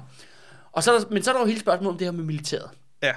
Fordi at en ting er selvfølgelig, at politiet, tror jeg, virker som om, de er rimelig klar på at, at, at slå ned på en, en ny arbejderopstand, hvis der kan blive fremprovokeret. Men spørgsmålet er jo, om man militæret kan udfylde opfylde sin del af, af den her, ja, af det at slagte den her opstand. Hvad, hvad tror du, Nikolaj? Jamen, det er sgu svært at sige. Altså, rent konkret, så kan man sige, der sker ikke rigtig nogen tropperykninger i den her periode. Nej. Der er lidt snak om at hente nogle, jeg tror det er en 50.000 soldater ind fra provinserne Det er mange til soldater. København. Det er mange soldater på det her tidspunkt. Ja. Men det, det skal kommer- siges, at, Danmark har sin største her på det tidspunkt, det der hedder sikringsstyrken. Ja, Den kan komme op på 110.000 mand. ja. Men det, vil jo, men det er kun i krigstid, skal lige siges. Det vil jo ikke være indkaldt i 1899. Nej. Men der går i hvert fald rygter om, at regeringen ligesom har sådan en plan liggende i skrivebordskuffen, Ja. hvor de vil rykke folk fra provinserne simpelthen ind til København, hvor det jo også Storlockouten udspiller sig i hele landet, men det er jo selvfølgelig meget koncentreret i København, fordi det er den største by i landet. Ja, De her tropperykninger, så vidt jeg kan se, sker aldrig. nej. Og så Men- er der jo men- netop det der men- spørgsmål om militæret. Ja, og det er også det med, at vi har prøvet at kigge efter de her planer. ja. Vi kan ikke finde dem. Eller Nej. de er destrueret, eller hvad det kan være. Hvad og, det det er, være. og det oplever man faktisk tit i, i hvad hedder det, arkivmæssigt. Det kan være, det, det, det er gået tabt med tiden. Men jeg synes, noget, der var rigtig interessant, som du gjorde mig opmærksom på, Nikolaj, det var jo netop, at de her rygter, de opstår, kommer jo faktisk fra den svenske presse. Ja. Og, og det skal siges, at, at i, under Estrup-diktaturet, der er det sådan her, at hvis man skal skrive noget rigtig kritisk, det man ved, man ryger i fængsel for, for at skrive, så øh, ligger man det til en svensk avis, især det, der hedder øh, Jytteborgs Handelstidende, mm. som det hedder. Og det er den måde, man ligesom prøver, man ligesom får en meget øh, vigtig nyhed ind til de danske læsere igennem en, en svensk avis. Og der optræder det det her, og jeg ser det som en meget, jeg ser det som en pålidelig kilde Ja.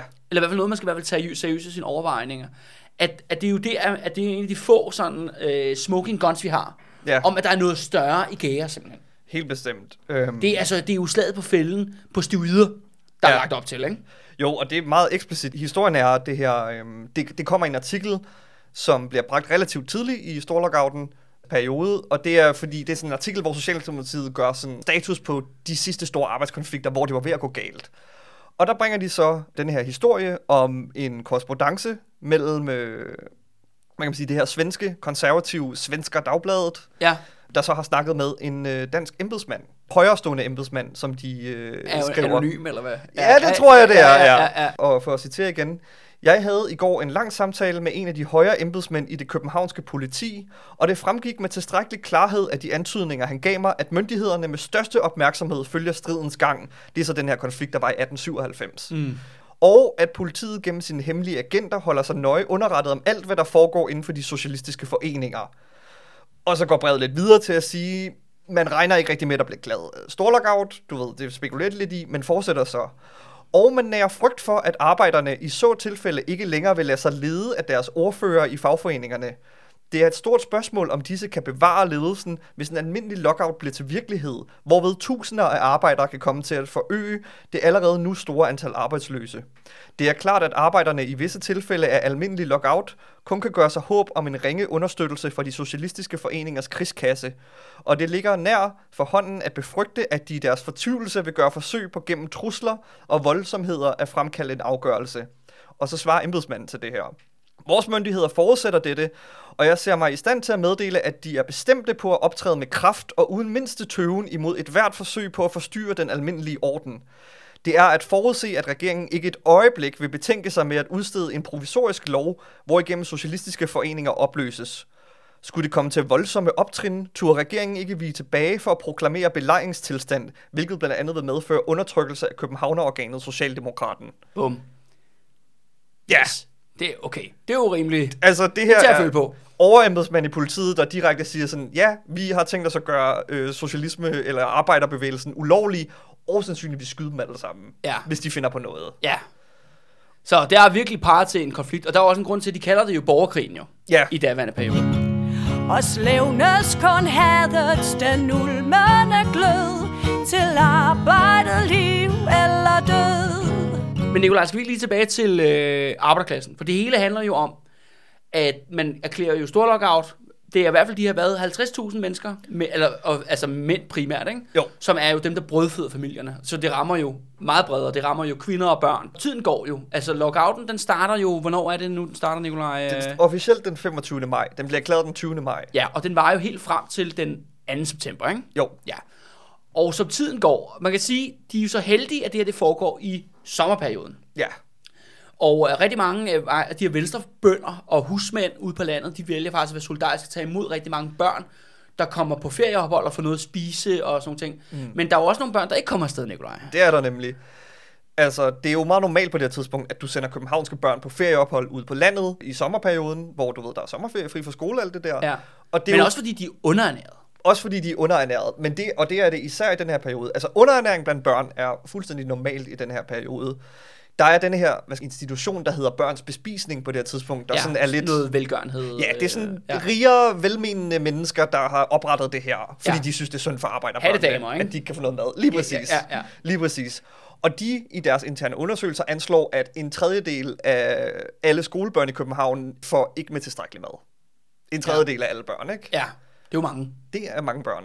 Øh, det er cirka 100.000 børn Ja. øh, i den her periode. Men var det ikke også noget med, Nikolaj, at der var nogle af de her børn, som aldrig kom afsted fra Nørrebro, fordi de ikke havde noget tøj Det er nemlig det. at tage på? Ja, det er nemlig det, og det stussede jeg lidt over, fordi der er, man kan sige, den her børns bespisning, de får mere eller mindre en fast klumme under Storlockouten i Socialdemokraten, hvor de ligesom skriver status, du ved, indsamling ja. og øh, konstante appeller Man til har simpelthen et samarbejde med bedre stillede folk Ja, ja. for at hjælpe de her arbejderbørn, der jo faktisk går og sulter øh, og er streng meget under Storlockouten.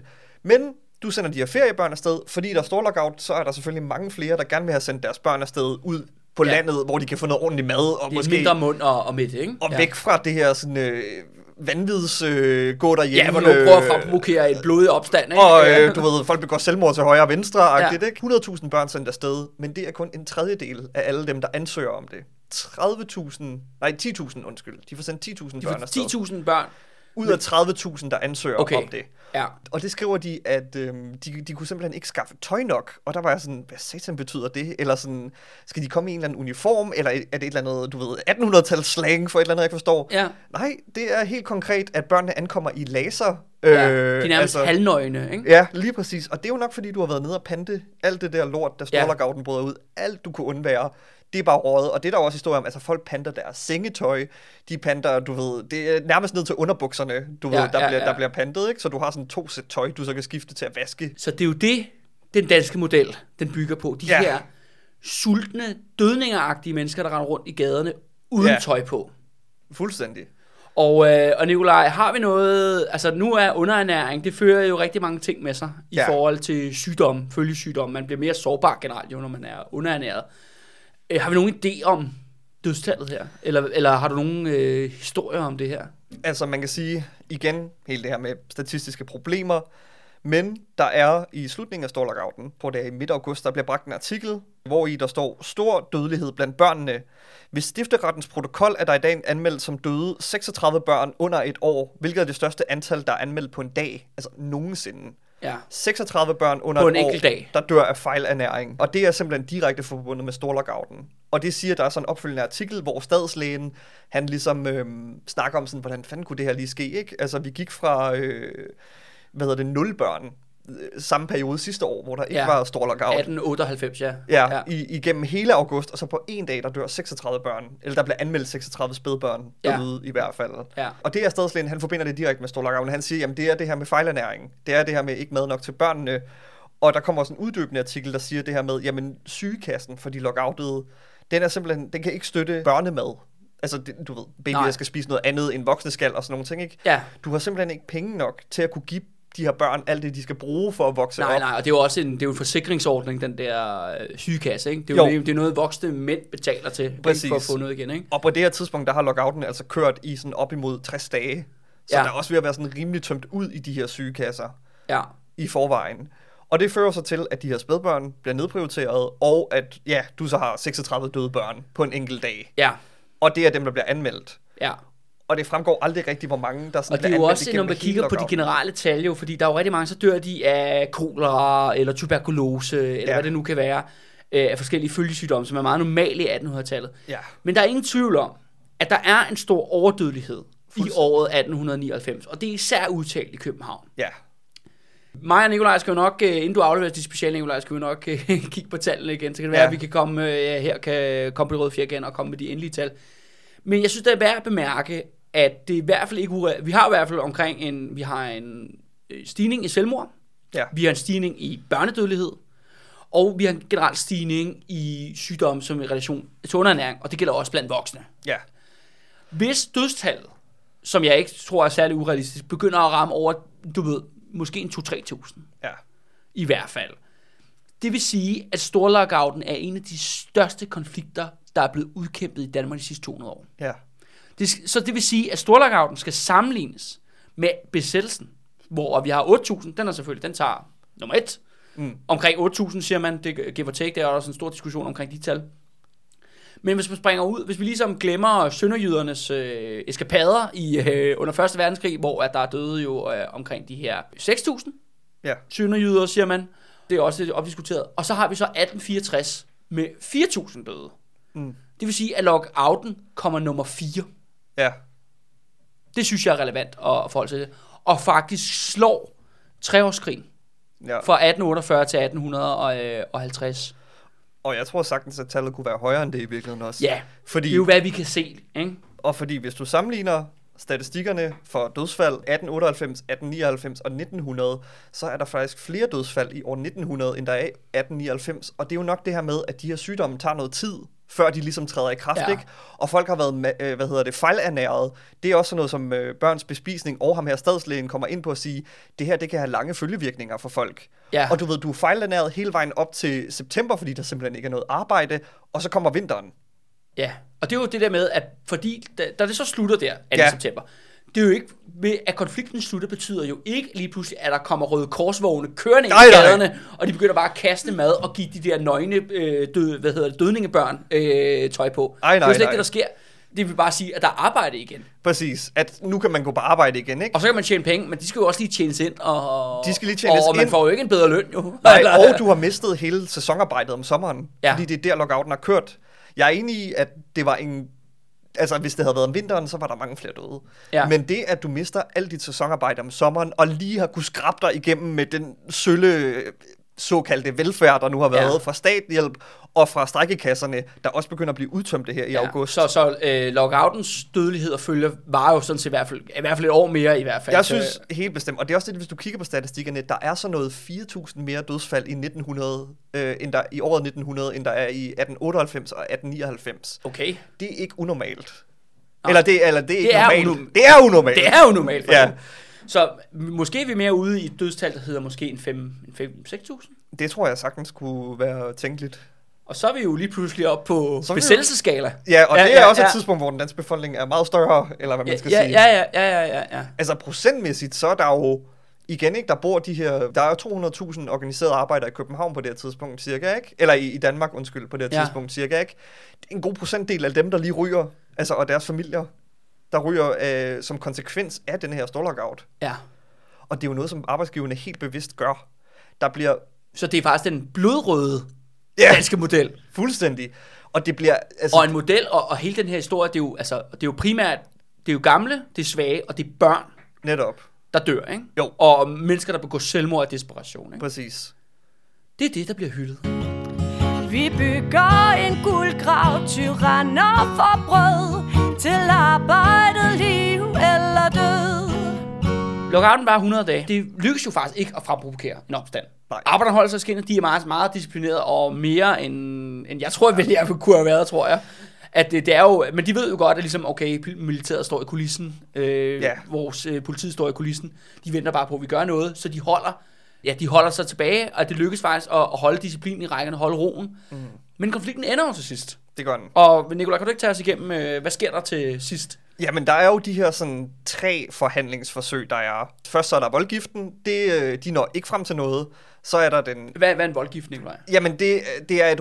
Altså, på det her tidspunkt, der eksisterer jo ikke det her forhandlingssystem, som Nej. man måske kender det fra det er jo det, det, arbejdsmarkedet er jo i det, dag. vi får med den danske model. Jo, Det er det, man får med den danske model i Ja. 1910, hvor den, den faste voldgift bliver oprettet. Og Ja. ja. i det ord ligger der jo også, nu er det en fast institution.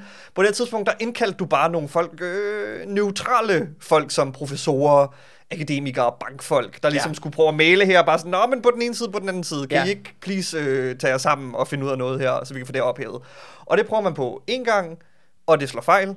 Øh, så prøver man på det en anden gang, og der har jeg læst jeg, at øh, der er forlidet simpelthen formuleret så akademisk, at der ikke rigtig er nogen, der forstår, hvad det er, der bliver aftalt. Ja, så ja. lockouten fortsætter I simpelthen. Ja. Og så er der tredje gang med de her tre personer, man måske har hørt om, Heide, Bang og Trier, som er også bedre borgerskab. Ja, de er forhandlingsledere, ja, ikke? jeg tror, og, de og skal er- være ligesom neutrale. Ja, der er Øh, en af dem, der er bankmand, der er en anden af dem, der er akademiker, mener jeg, professor. Altså, Ja. ja. det, de er øh, såkaldt udeforstående for den her konflikt. De skal ligesom prøve at komme til det her forlig, og det er så det, der lykkes med det her tredje forsøg i det, der hedder septemberforledet. Hvad skal man sige? Ubekendte i forhold til Ja, det her forlig. det er netop der, hvor aftalen kommer, begynder vi virkelig at bevæge sig os ind i en tåget periode. Ja, altså i hele august, der er flere faktorer, der spiller ind i, hvorfor det her forlig bliver kaldt. Først og fremmest, i allerede i starten af august, der er det tydeligt, at, ligesom jeg sagde tidligere, det her med, at arbejderne i starten af lockouten var klar til at tage nogle, øh, hvad skal man sige, udvidet kampskridt. Ja, I midten af lockouten forholder de sig meget roligt. Det er ret Ja. tydeligt, der er ikke så meget palaver i lokalafdelinger, man sulter i stillhed. store møder. Ja, og du sulter ikke sindssygt meget endnu.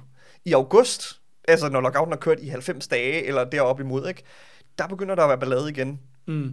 Der er for eksempel det her repræsentantskabsmøde i DSF, altså hvor der er Det tusindvis- ledelsen af fagforeningerne. Præcis, Ja. hvor der er tusindvis af, du ved, hvad man kan sige, hvad der var tillidsfolk, før der var tillidsfolk. Ja. Det eksisterede jo heller ikke på det tidspunkt.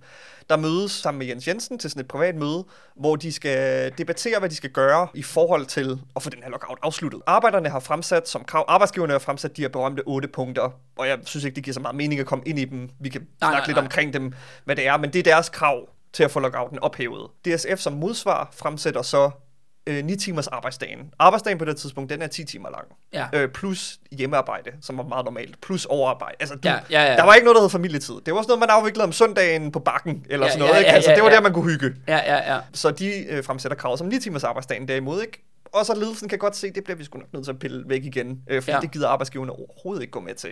Øh, Nils Andersen, han afviser det blankt i en, øh, hvad hedder det, offentligt. Og, og det er jo, altså en ting er, hvad de her forhandlinger frem og Ja. tilbage og i forskellige punkter. Jeg vil jo sige, at det er jo pisseligegyldigt. Det er Fordi det er ikke det, der er arbejdsgivernes formål med det her. Det er jo netop at fremprovokere en opstand. Så de, jo, jo, selvfølgelig skal de afholde nogle forhandlinger. Ja, ja. Altså, Sådan, du ved, det er jo en del ligesom af gamet. Men, det. Men, men det er ikke det, det handler om. Nej. Så er der jo så et øh, vanvittigt dårligt forhandlingspunkt, som er det, du lige nævnte Ja. fra arbejdernes side. Men det bliver jo så ophævet som til det. Det er jo det, aftalen bliver den Ja. september. Præcis. Men for at afslutte med Ja. det her med, der er, der er lidt palaver i det her i august, fordi på det her repræsentantskabsmøde, hvor de fjerner 9 timers kravet, det møde, det ender med at trække ud og vare 8 timer.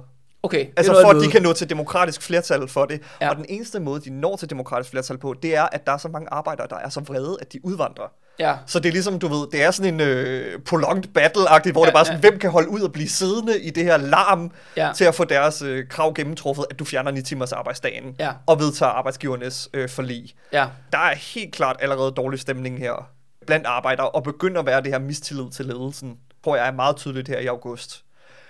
Men vi får jo forlidet i virkeligheden Ja. til sidst, igennem lange, lange forhandlinger og så videre. Jeg tror i forhold til det her med sådan, du ved, du laver nogle forhandlinger, i forhold til det her med at fremprovokere en opstand, det virker meget tydeligt, at det er det, det drejer sig om, fordi de her punkter, som arbejdsgiverne forsøger at fremsætte, det er meningen, de skal være uspiselige ja. for fagbevægelsen. De skal ikke kunne acceptere dem. Nej. De, er, de arbejdsgiverne siger, vi serverer en kæmpe stor fed lort. Ja, Man skal jo være vanvittig Præcis. for at spise den her. Ikke? præcis.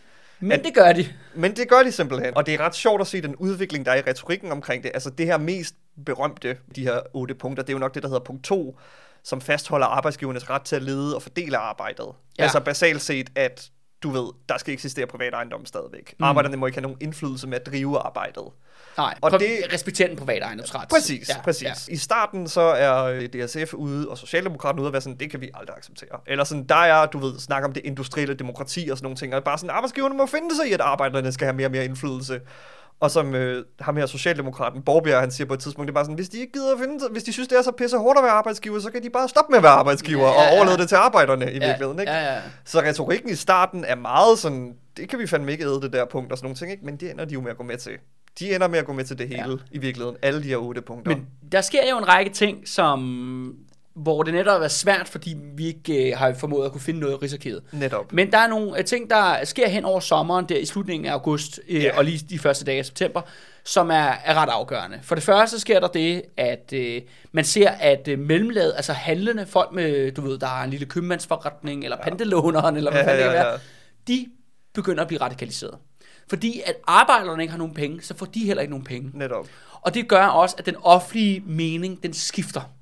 I starten har den været massivt på arbejdsgivernes side om, de der socialistiske arbejder, de skal bare smadres, de vil bare have, mm. du ved, kommunisme og ødelægge det borgerlige samfund, og det hellige ægteskab og religionen, der skal komme efter dig. Ja. Den svinger over, fordi lige pludselig ser folk, at, du ved, vi mister penge, vi er desperate, Og det andet element er også, at jeg tror, der, eller der opstår en regeringskrise inde i regeringen, som øh, vi desværre ikke ved så meget om.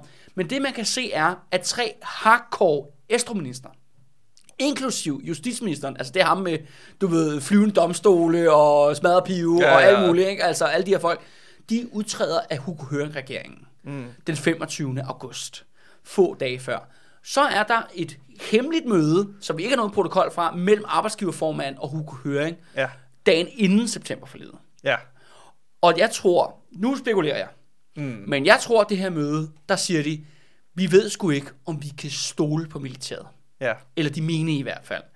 Soldater. Vi ved ikke, hvad der kommer til at ske med den her... Altså ligesom, de har været klar på, frem, for arbejderne til at gå ud på gaderne, demonstrere på fælden, vi sætter militæret ind, vi knuser arbejderlederne, vi laver henrettelsesplatoner, eller hvad vi nu gør, mm. eller smid dem i fængsel, eller de skal nok finde på et eller andet. Øh, alt efter, hvor meget arbejderne kæmper, tror jeg. Men i september, eller slutningen af august, starten af september, der er de sådan, vi ved faktisk ikke, hvad resultatet kommer til at blive Ja. af den her opstand. Og der kan man så sige, at de er jo så heldige så, at de socialdemokratiske ledere, de vælger bare at æde lorten. Ja, præcis.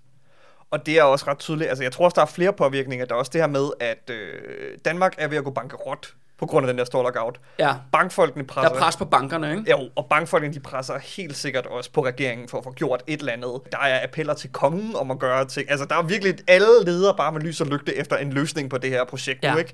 Fordi økonomien er simpelthen ved at brase fuldstændig sammen. Og igen det her med, at der er ved at være mere optræk til ballade i blandt arbejderne. Altså, at der er... Det er igen det her, som ham her politiembedsmanden, han var sådan...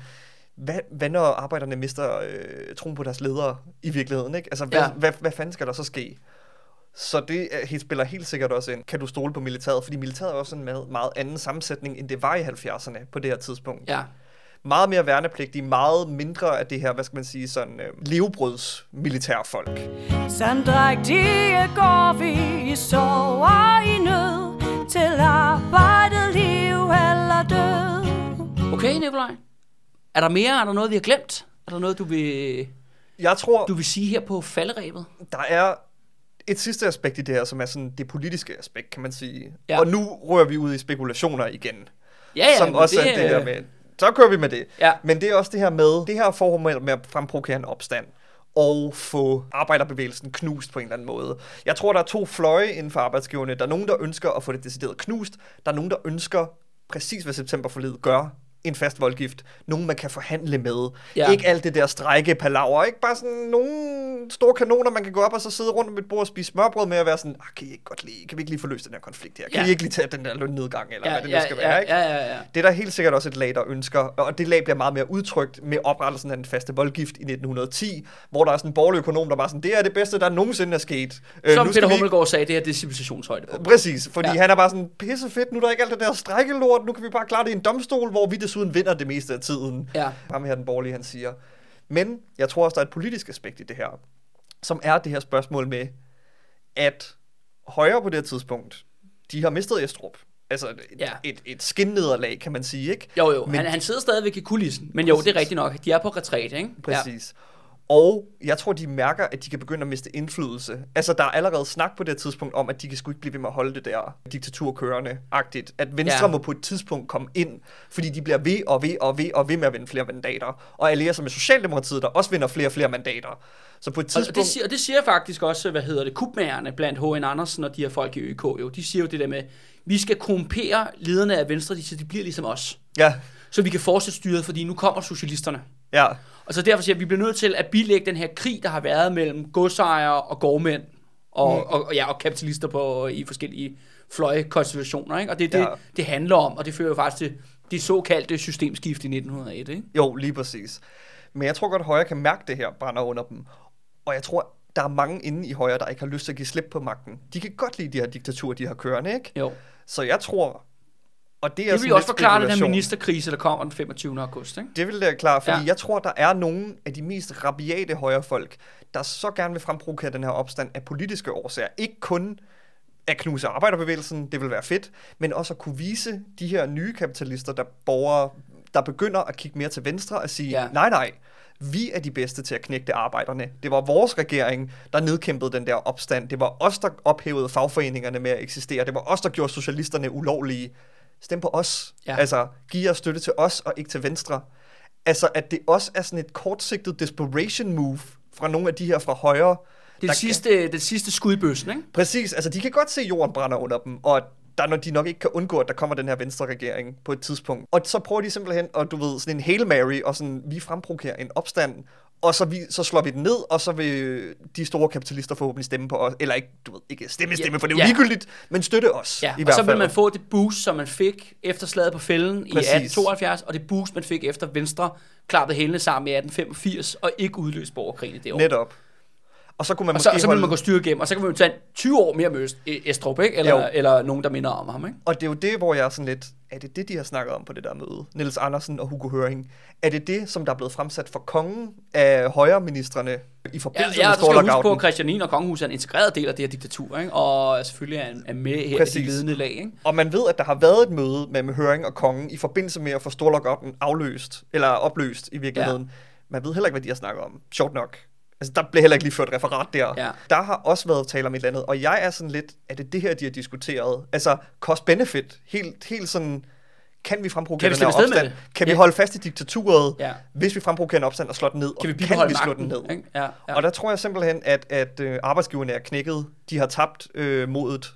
Og det er I derfor, løbet de, af de 100 dage. Ja. Præcis. Og også fordi, hvis du ser, hvad årsagen til lockouten er fra arbejdsgivernes side, den skifter hele tiden. I starten er det tømmerne og snekerne. Ja. Og der får Socialdemokratiet, altså du ved, meget må man give de der socialdemokrater, men de får kørt en rimelig god kampagne for at få folk til at indse, at det sgu nok arbejdsgiverne, der, på, der har skyld i det her. Ja. Fordi som sagt, de havde indgået for lige de her øh, sneker i Jylland.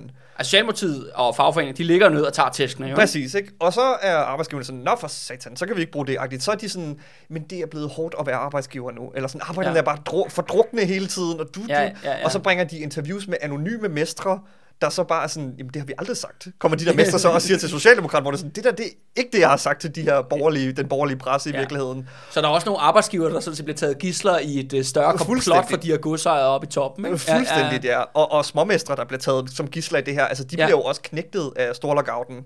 Ja, de er jo Øh, nogle arbejdere. Eller, eller, præcis. ja, de kan jo ikke køre deres virksomhed Nej, videre. der er jo mange af dem, der må dreje nøglen om Ja, ja, i ja. virkeligheden. Øh, og der er faktisk en ret sjov episode med en af de her største kapitalister i den her periode. Han, hy, han opretter et øh, firma, som kun ansætter øh, mestre, der er gået nedenom og hjem på grund af storlockouten. Ja, Så kan de komme ind og arbejde som ham hos, som arbejdere. Ja, altså, det okay. er meget sådan en direkte øh, illustration af det ja, her. ja, ja, ja, ja. Men så arbejdsgiverne bliver ved med at skifte årsagen til, hvad der egentlig er. Hvorfor skal vi drive den her lockout videre? Det bliver mere og mere desperat, hvad de prøver på. De bliver ved, altså det er jo dem, der ikke vil gå til forlidet. Socialdemokraterne er hele tiden sådan, de ligger sådan ned konstant. De prøver lige en enkelt gang at være sådan, hvad med 9 timers dagen? Øh, og så er arbejdsgiverne sådan, Nixon Bixen, så er de bare sådan, okay, vi trækker den tilbage, please indgå for lige. Og arbejdsgiverne, de nægter og nægter og nægter og nægter, lige indtil der sker et eller andet her, de sidste dage af august, de første dage af september. ja. Og hvad det så der er, der sker, det er jo det, vi muligvis aldrig kan finde ud af, fordi det, desværre er det Arbejdsgiverforeningens, øh, altså Dansk Arbejdsgiverforening, tror jeg, den hedder i dag. ja. Det er dem, der har, ligger inde med alle de her referater. Jeg har selvfølgelig prøvet at kontakte dem. Ja. Øh, bede om at høre, bare sådan, hvad har I for 1899? De har sikkert tænkt sådan, hvad fanden er det, der foregår? Hvem er det, der skriver om sådan noget? Der er ingen grund til at rive op af Øh, den gamle historie. nej, nej. Vi har jo en lækker model, jo, ikke? Øh, præcis. Og de har været sådan, øh, alt det vi har, har kunnet udgive, jeg ved så ikke om det er ønsker slash stadig ligger inde med, Ja. det ligger i Rigsarkivet, og der ligger altså ikke nogen af de her referater fra de her samtaler, der har været de sidste par dage. Men Nicolaj, jeg har, jeg har lige et spørgsmål til dig. Hvorfor tror du, at øh, de socialdemokratiske ledere ikke tog opstand eller slagsmålet? Ikke tog konflikten. Ja, Jeg tror, der er flere ting, der spiller ind, men det er helt klart det her med, de kunne se, hvad der skete på fælleden. Altså, de er, de er bange, de er traumatiseret. de er bange for, for statsmagten på det her tidspunkt, at den simpelthen vil komme og klappe sammen. Luk, Og, luk og det kan man jo se, det er jo virkelig en reelt trussel. Det er en Altså, reel trussel. ja, ja, ja. Du har jo også, altså det, det, man skal huske, at Socialdemokratiet på det tidspunkt er medlem af det, der hedder anden internationale. Ja, som er Øh, alle de europæiske socialdemokratier slået sammen, præcis. eller har sådan en fælles organisation. Præcis. Ja. Og, de, og det danske Socialdemokrati, vil jeg sige, har historisk altid været præget rigtig meget af det tyske øh, SPD.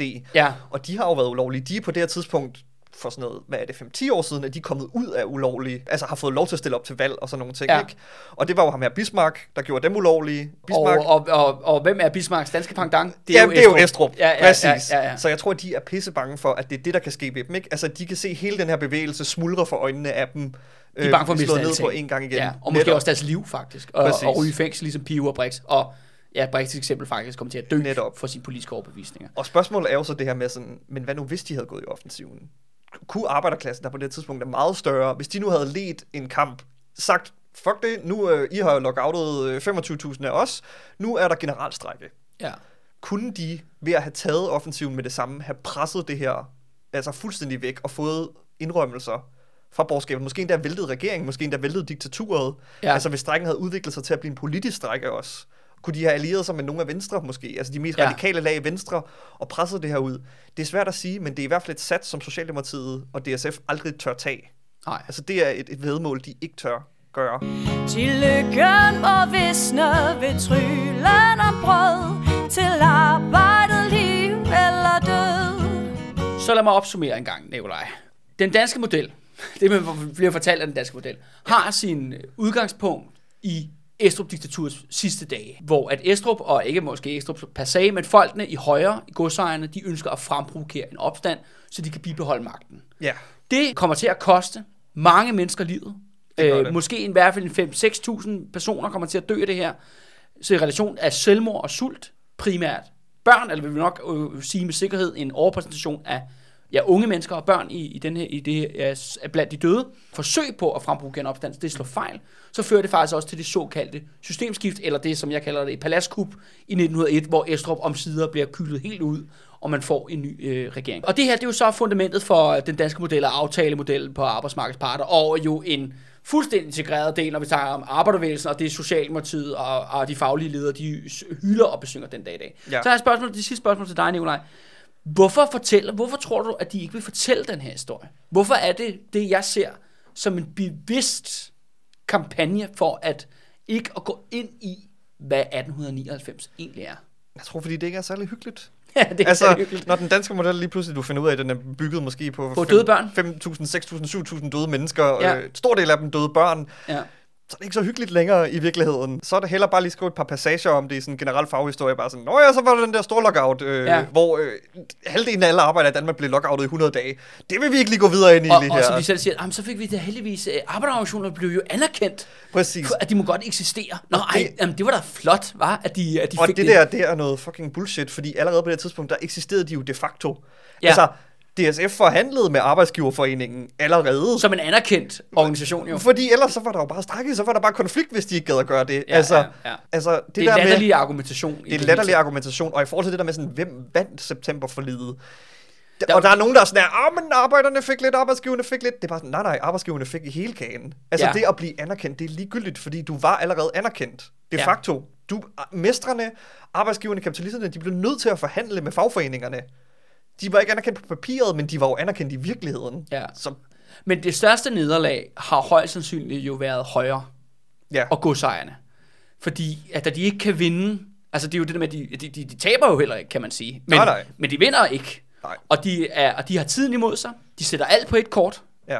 Og med, sammen med ledende arbejdsgiver, ikke? Jo. Om, om at fremprovokere opstand. Det lykkes ikke, og det fører faktisk til ja, systemskiftet i 1901. Eller de ryger på den historiske møding, ikke? Ja, og det man kan sige, der ligesom bakker mere op om det argument, det er også, at mange af de her, der sidder i arbejdsgivernes øh, hovedbestyrelse, arbejdsgiverforeningens hovedbestyrelse, det er ledende højrefolk. ja. Det er også folk, du Der har er et hørt om overlap før. her, ikke? Altså Danmark er heller ikke større jo på den Præcis, og det er folk, du har hørt om før. Jeg tror, det er den tidligere finansminister under Estrup-regeringen, for eksempel. Han sidder der, Ja. eksempelvis, ikke? Ja. Altså, Er det ikke ham, der hedder Nellemand? Jo, Nellemann, Jo, jo, ja, ja, ja, lige ja, præcis. ja. Han sidder der, for eksempel. Ja, Ja, ja. ja. Altså, det er sådan... Alle de der, og især dem, der leder den krigeriske fløj af Arbejdsgiverforeningen, det er alle sammen højre. Ja, ja, og det skal sige for eksempel, altså Nellemann, han er, han er en fucking sej. Ja, ja, ja. Altså, den mand, han uh, har lavet så mange gummiparagrafer under det der diktatur. Altså, han har smidt det, hvad hedder det, formanden for Folketinget for Venstre har han smidt i fængsel, ikke? Og, og hyro for politikken og sådan noget. Der er ikke det, altså, justitsmord, han ikke har begået, ikke? Præcis. Ja. Alle dem, der vil føre, de arbejdsgiver, der fører, vil føre den her kamp til ende, og de vil tage kampen til enden, de kommer alle sammen fra højre. Ja, det er ikke tilfældigt. ja. Ved du hvad, Nikolaj? Det var super fedt, at øh, du kom her og præsenterede dine øh, resultater. Øh, og jeg tror at helt sikkert, det bliver kanon godt special. Og jeg vil gerne afslutte med, øh, ja, reklame, eller om så, så vi kan lokke nogle øh, folk i fælden her. Fordi det kan være, at du sidder derude og er studerende. Det kan også være, at du er måske pensionist. Eller det kan være, at du har vanvittig god tid lyst til at kaste dig ud i et øh, forskningsprojekt. Fordi at øh, nu er det meget, jeg laver her på det røde fjerde. Det er jo sådan set øh, formidling af historie. Men jeg synes jo også, at forskningen skal jo fortsætte og netop grave de her dårlige sider af Danmarks historien frem, som det Nikolaj jo lige har kommet og, og gjort øh, på øh, fænomenal vis, hvor at, øh, vi virkelig kan se, at okay, den danske model, den består altså, den er bygget på 6.000 døde børn, okay, måske lidt overdrevet, men den er bygget på 6.000 øh, døde øh, mennesker, primært børn, og jeg har faktisk tre andre projekter på beding, som man kan få lov til at byde til bolle, hvis man har lyst til at øh, hive nogle rigtig, rigtig dårlige historier frem, øh, som ligger ude omkring i arkiverne. Og øh, jeg vil lige præsentere, øh, kort præsentere dem. Jeg har en, der handler om, øh, jeg kalder den ambassadørens snimor, og det er fordi, at øh, ambassadør i Petrograd under 1. verdenskrig, en fyr ved navn Harald Skavenius. Han er relateret til Erik Skavenius for besættelsen. De er faktisk fædre. Øh, Harald Skavenius, han er med i det komplot, hvor han forsøger at myrde Lenin i sommeren 1918, og de kommer faktisk rigtig, rigtig tæt på. Det er øh, en øh, hestblæsende historie, øh, men for at kunne løse den opgave, så vil det være rigtig godt, hvis man kan noget fransk hvis man kan tale eller læse fransk, fordi at det er Harald Skvenius' morforsøg, stimor på Lenin, det er noget, der foregår i samarbejde med den franske efterretningstjeneste, og derfor vil man skulle i hvert fald øh, kunne føre en e-mail-kompetence med arkiverne i Paris. Nummer to, det er den, jeg har kaldt den tyske modstandsbevægelse, og som øh, navnet indikerer, jamen, så er det rigtig godt, hvis man kan noget tysk. Og øh, på trods af, at der i Danmark er skrevet vanvittigt meget om besættelsen, og der udkommer bøger, flere bøger om året, hvert år, om besættelsen, så er der en ting, som jeg har bidt mærke i, som der er aldrig nogen, der rigtig har givet at skrive om. Det er, at hvis man læser rigtig mange modstandsmænds beretninger, så omtaler de om, at for eksempel 5. maj 45, at der kommer tyske soldater ud og kæmper på modstandsbevægelsens side mod danske nazister i Københavns gader. Det andet øh, element er også, at der optræder en masse tyske øh, spioner og desertører, der flygter til Sverige. Der er blandt andet også en berømt øh, tysk øh, spion, som øh, har spioneret så meget for den danske modstandsbevægelse, at han aldrig nogensinde kan flytte øh, tilbage til Tyskland, fordi så vil han nok blive myrdet øh, øh, efter krigen, og, og han åbner så en pølsevogn på Frederiksberg, hvor han lever resten af sin dag. Øh, der er også et meget mystisk øh, mytteri på, øh, hvad hedder det, Gardekasernen inde på Rosenborg øh, i de sidste dage i april 1945, hvor der er mange dræbte. Så der er det her element med, at der simpelthen er en forbindelse mellem tyske soldater, altså i tysk uniformer, værnepligtige og den danske modstandsbevægelse, og der er aldrig rigtig nogen, der gider grave i det, fordi det er jo de her dumme tyskere. Mm. Øh, så der er noget ligesom at komme øh, ned i til sidst. Og så har jeg det sidste øh, projekt, jeg godt kunne tænke mig at sætte i søen, det er det, jeg har kaldt det rasekrigen i 80'erne. Fordi at øh, i, i perioden 1985-1987, der oplever vi decideret pogromer og overfald på indvandrere i Danmark. Blandt andet i gangsat af nu afdøde politiker Måns Glistrup. Vi har blandt andet øh, vilde folkemængder, der angriber og smadrer flygtninge i Kalundborg, men også i Vendsyssel. Der er dokumenteret over 1400 angreb på øh, forskellige indvandrerfamilier øh, i den her periode. Og samtidig har vi så også den her fascistiske gadebande i København, der er kendt som grønjakkerne. Øh, så der er virkelig en, øh, en øh, historie der, og det, er, og det kræver blot, at man kan tale og læse dansk. Så hvis du lytter til det her, og du synes, at de her projekter, det kunne være noget for dig, så tøv ikke med at kontakte mig. Man kan kontakte mig på ja, Facebook, Instagram og e-mail. Der er også en hjemmeside, øh, derødefjer.dk, som man skal være, villig, øh, skal være mere velkommen til at øh, tjekke ud. Men øh, til sidst, øh, Nikolaj, så vil jeg bare sige ja, tak fordi du kom, og tak fordi I lyttede med. Og øh, ja, jeg ved ikke om, øh, har du en hilsen til øh, Peter øh, Hobbiten Hummelgaard her?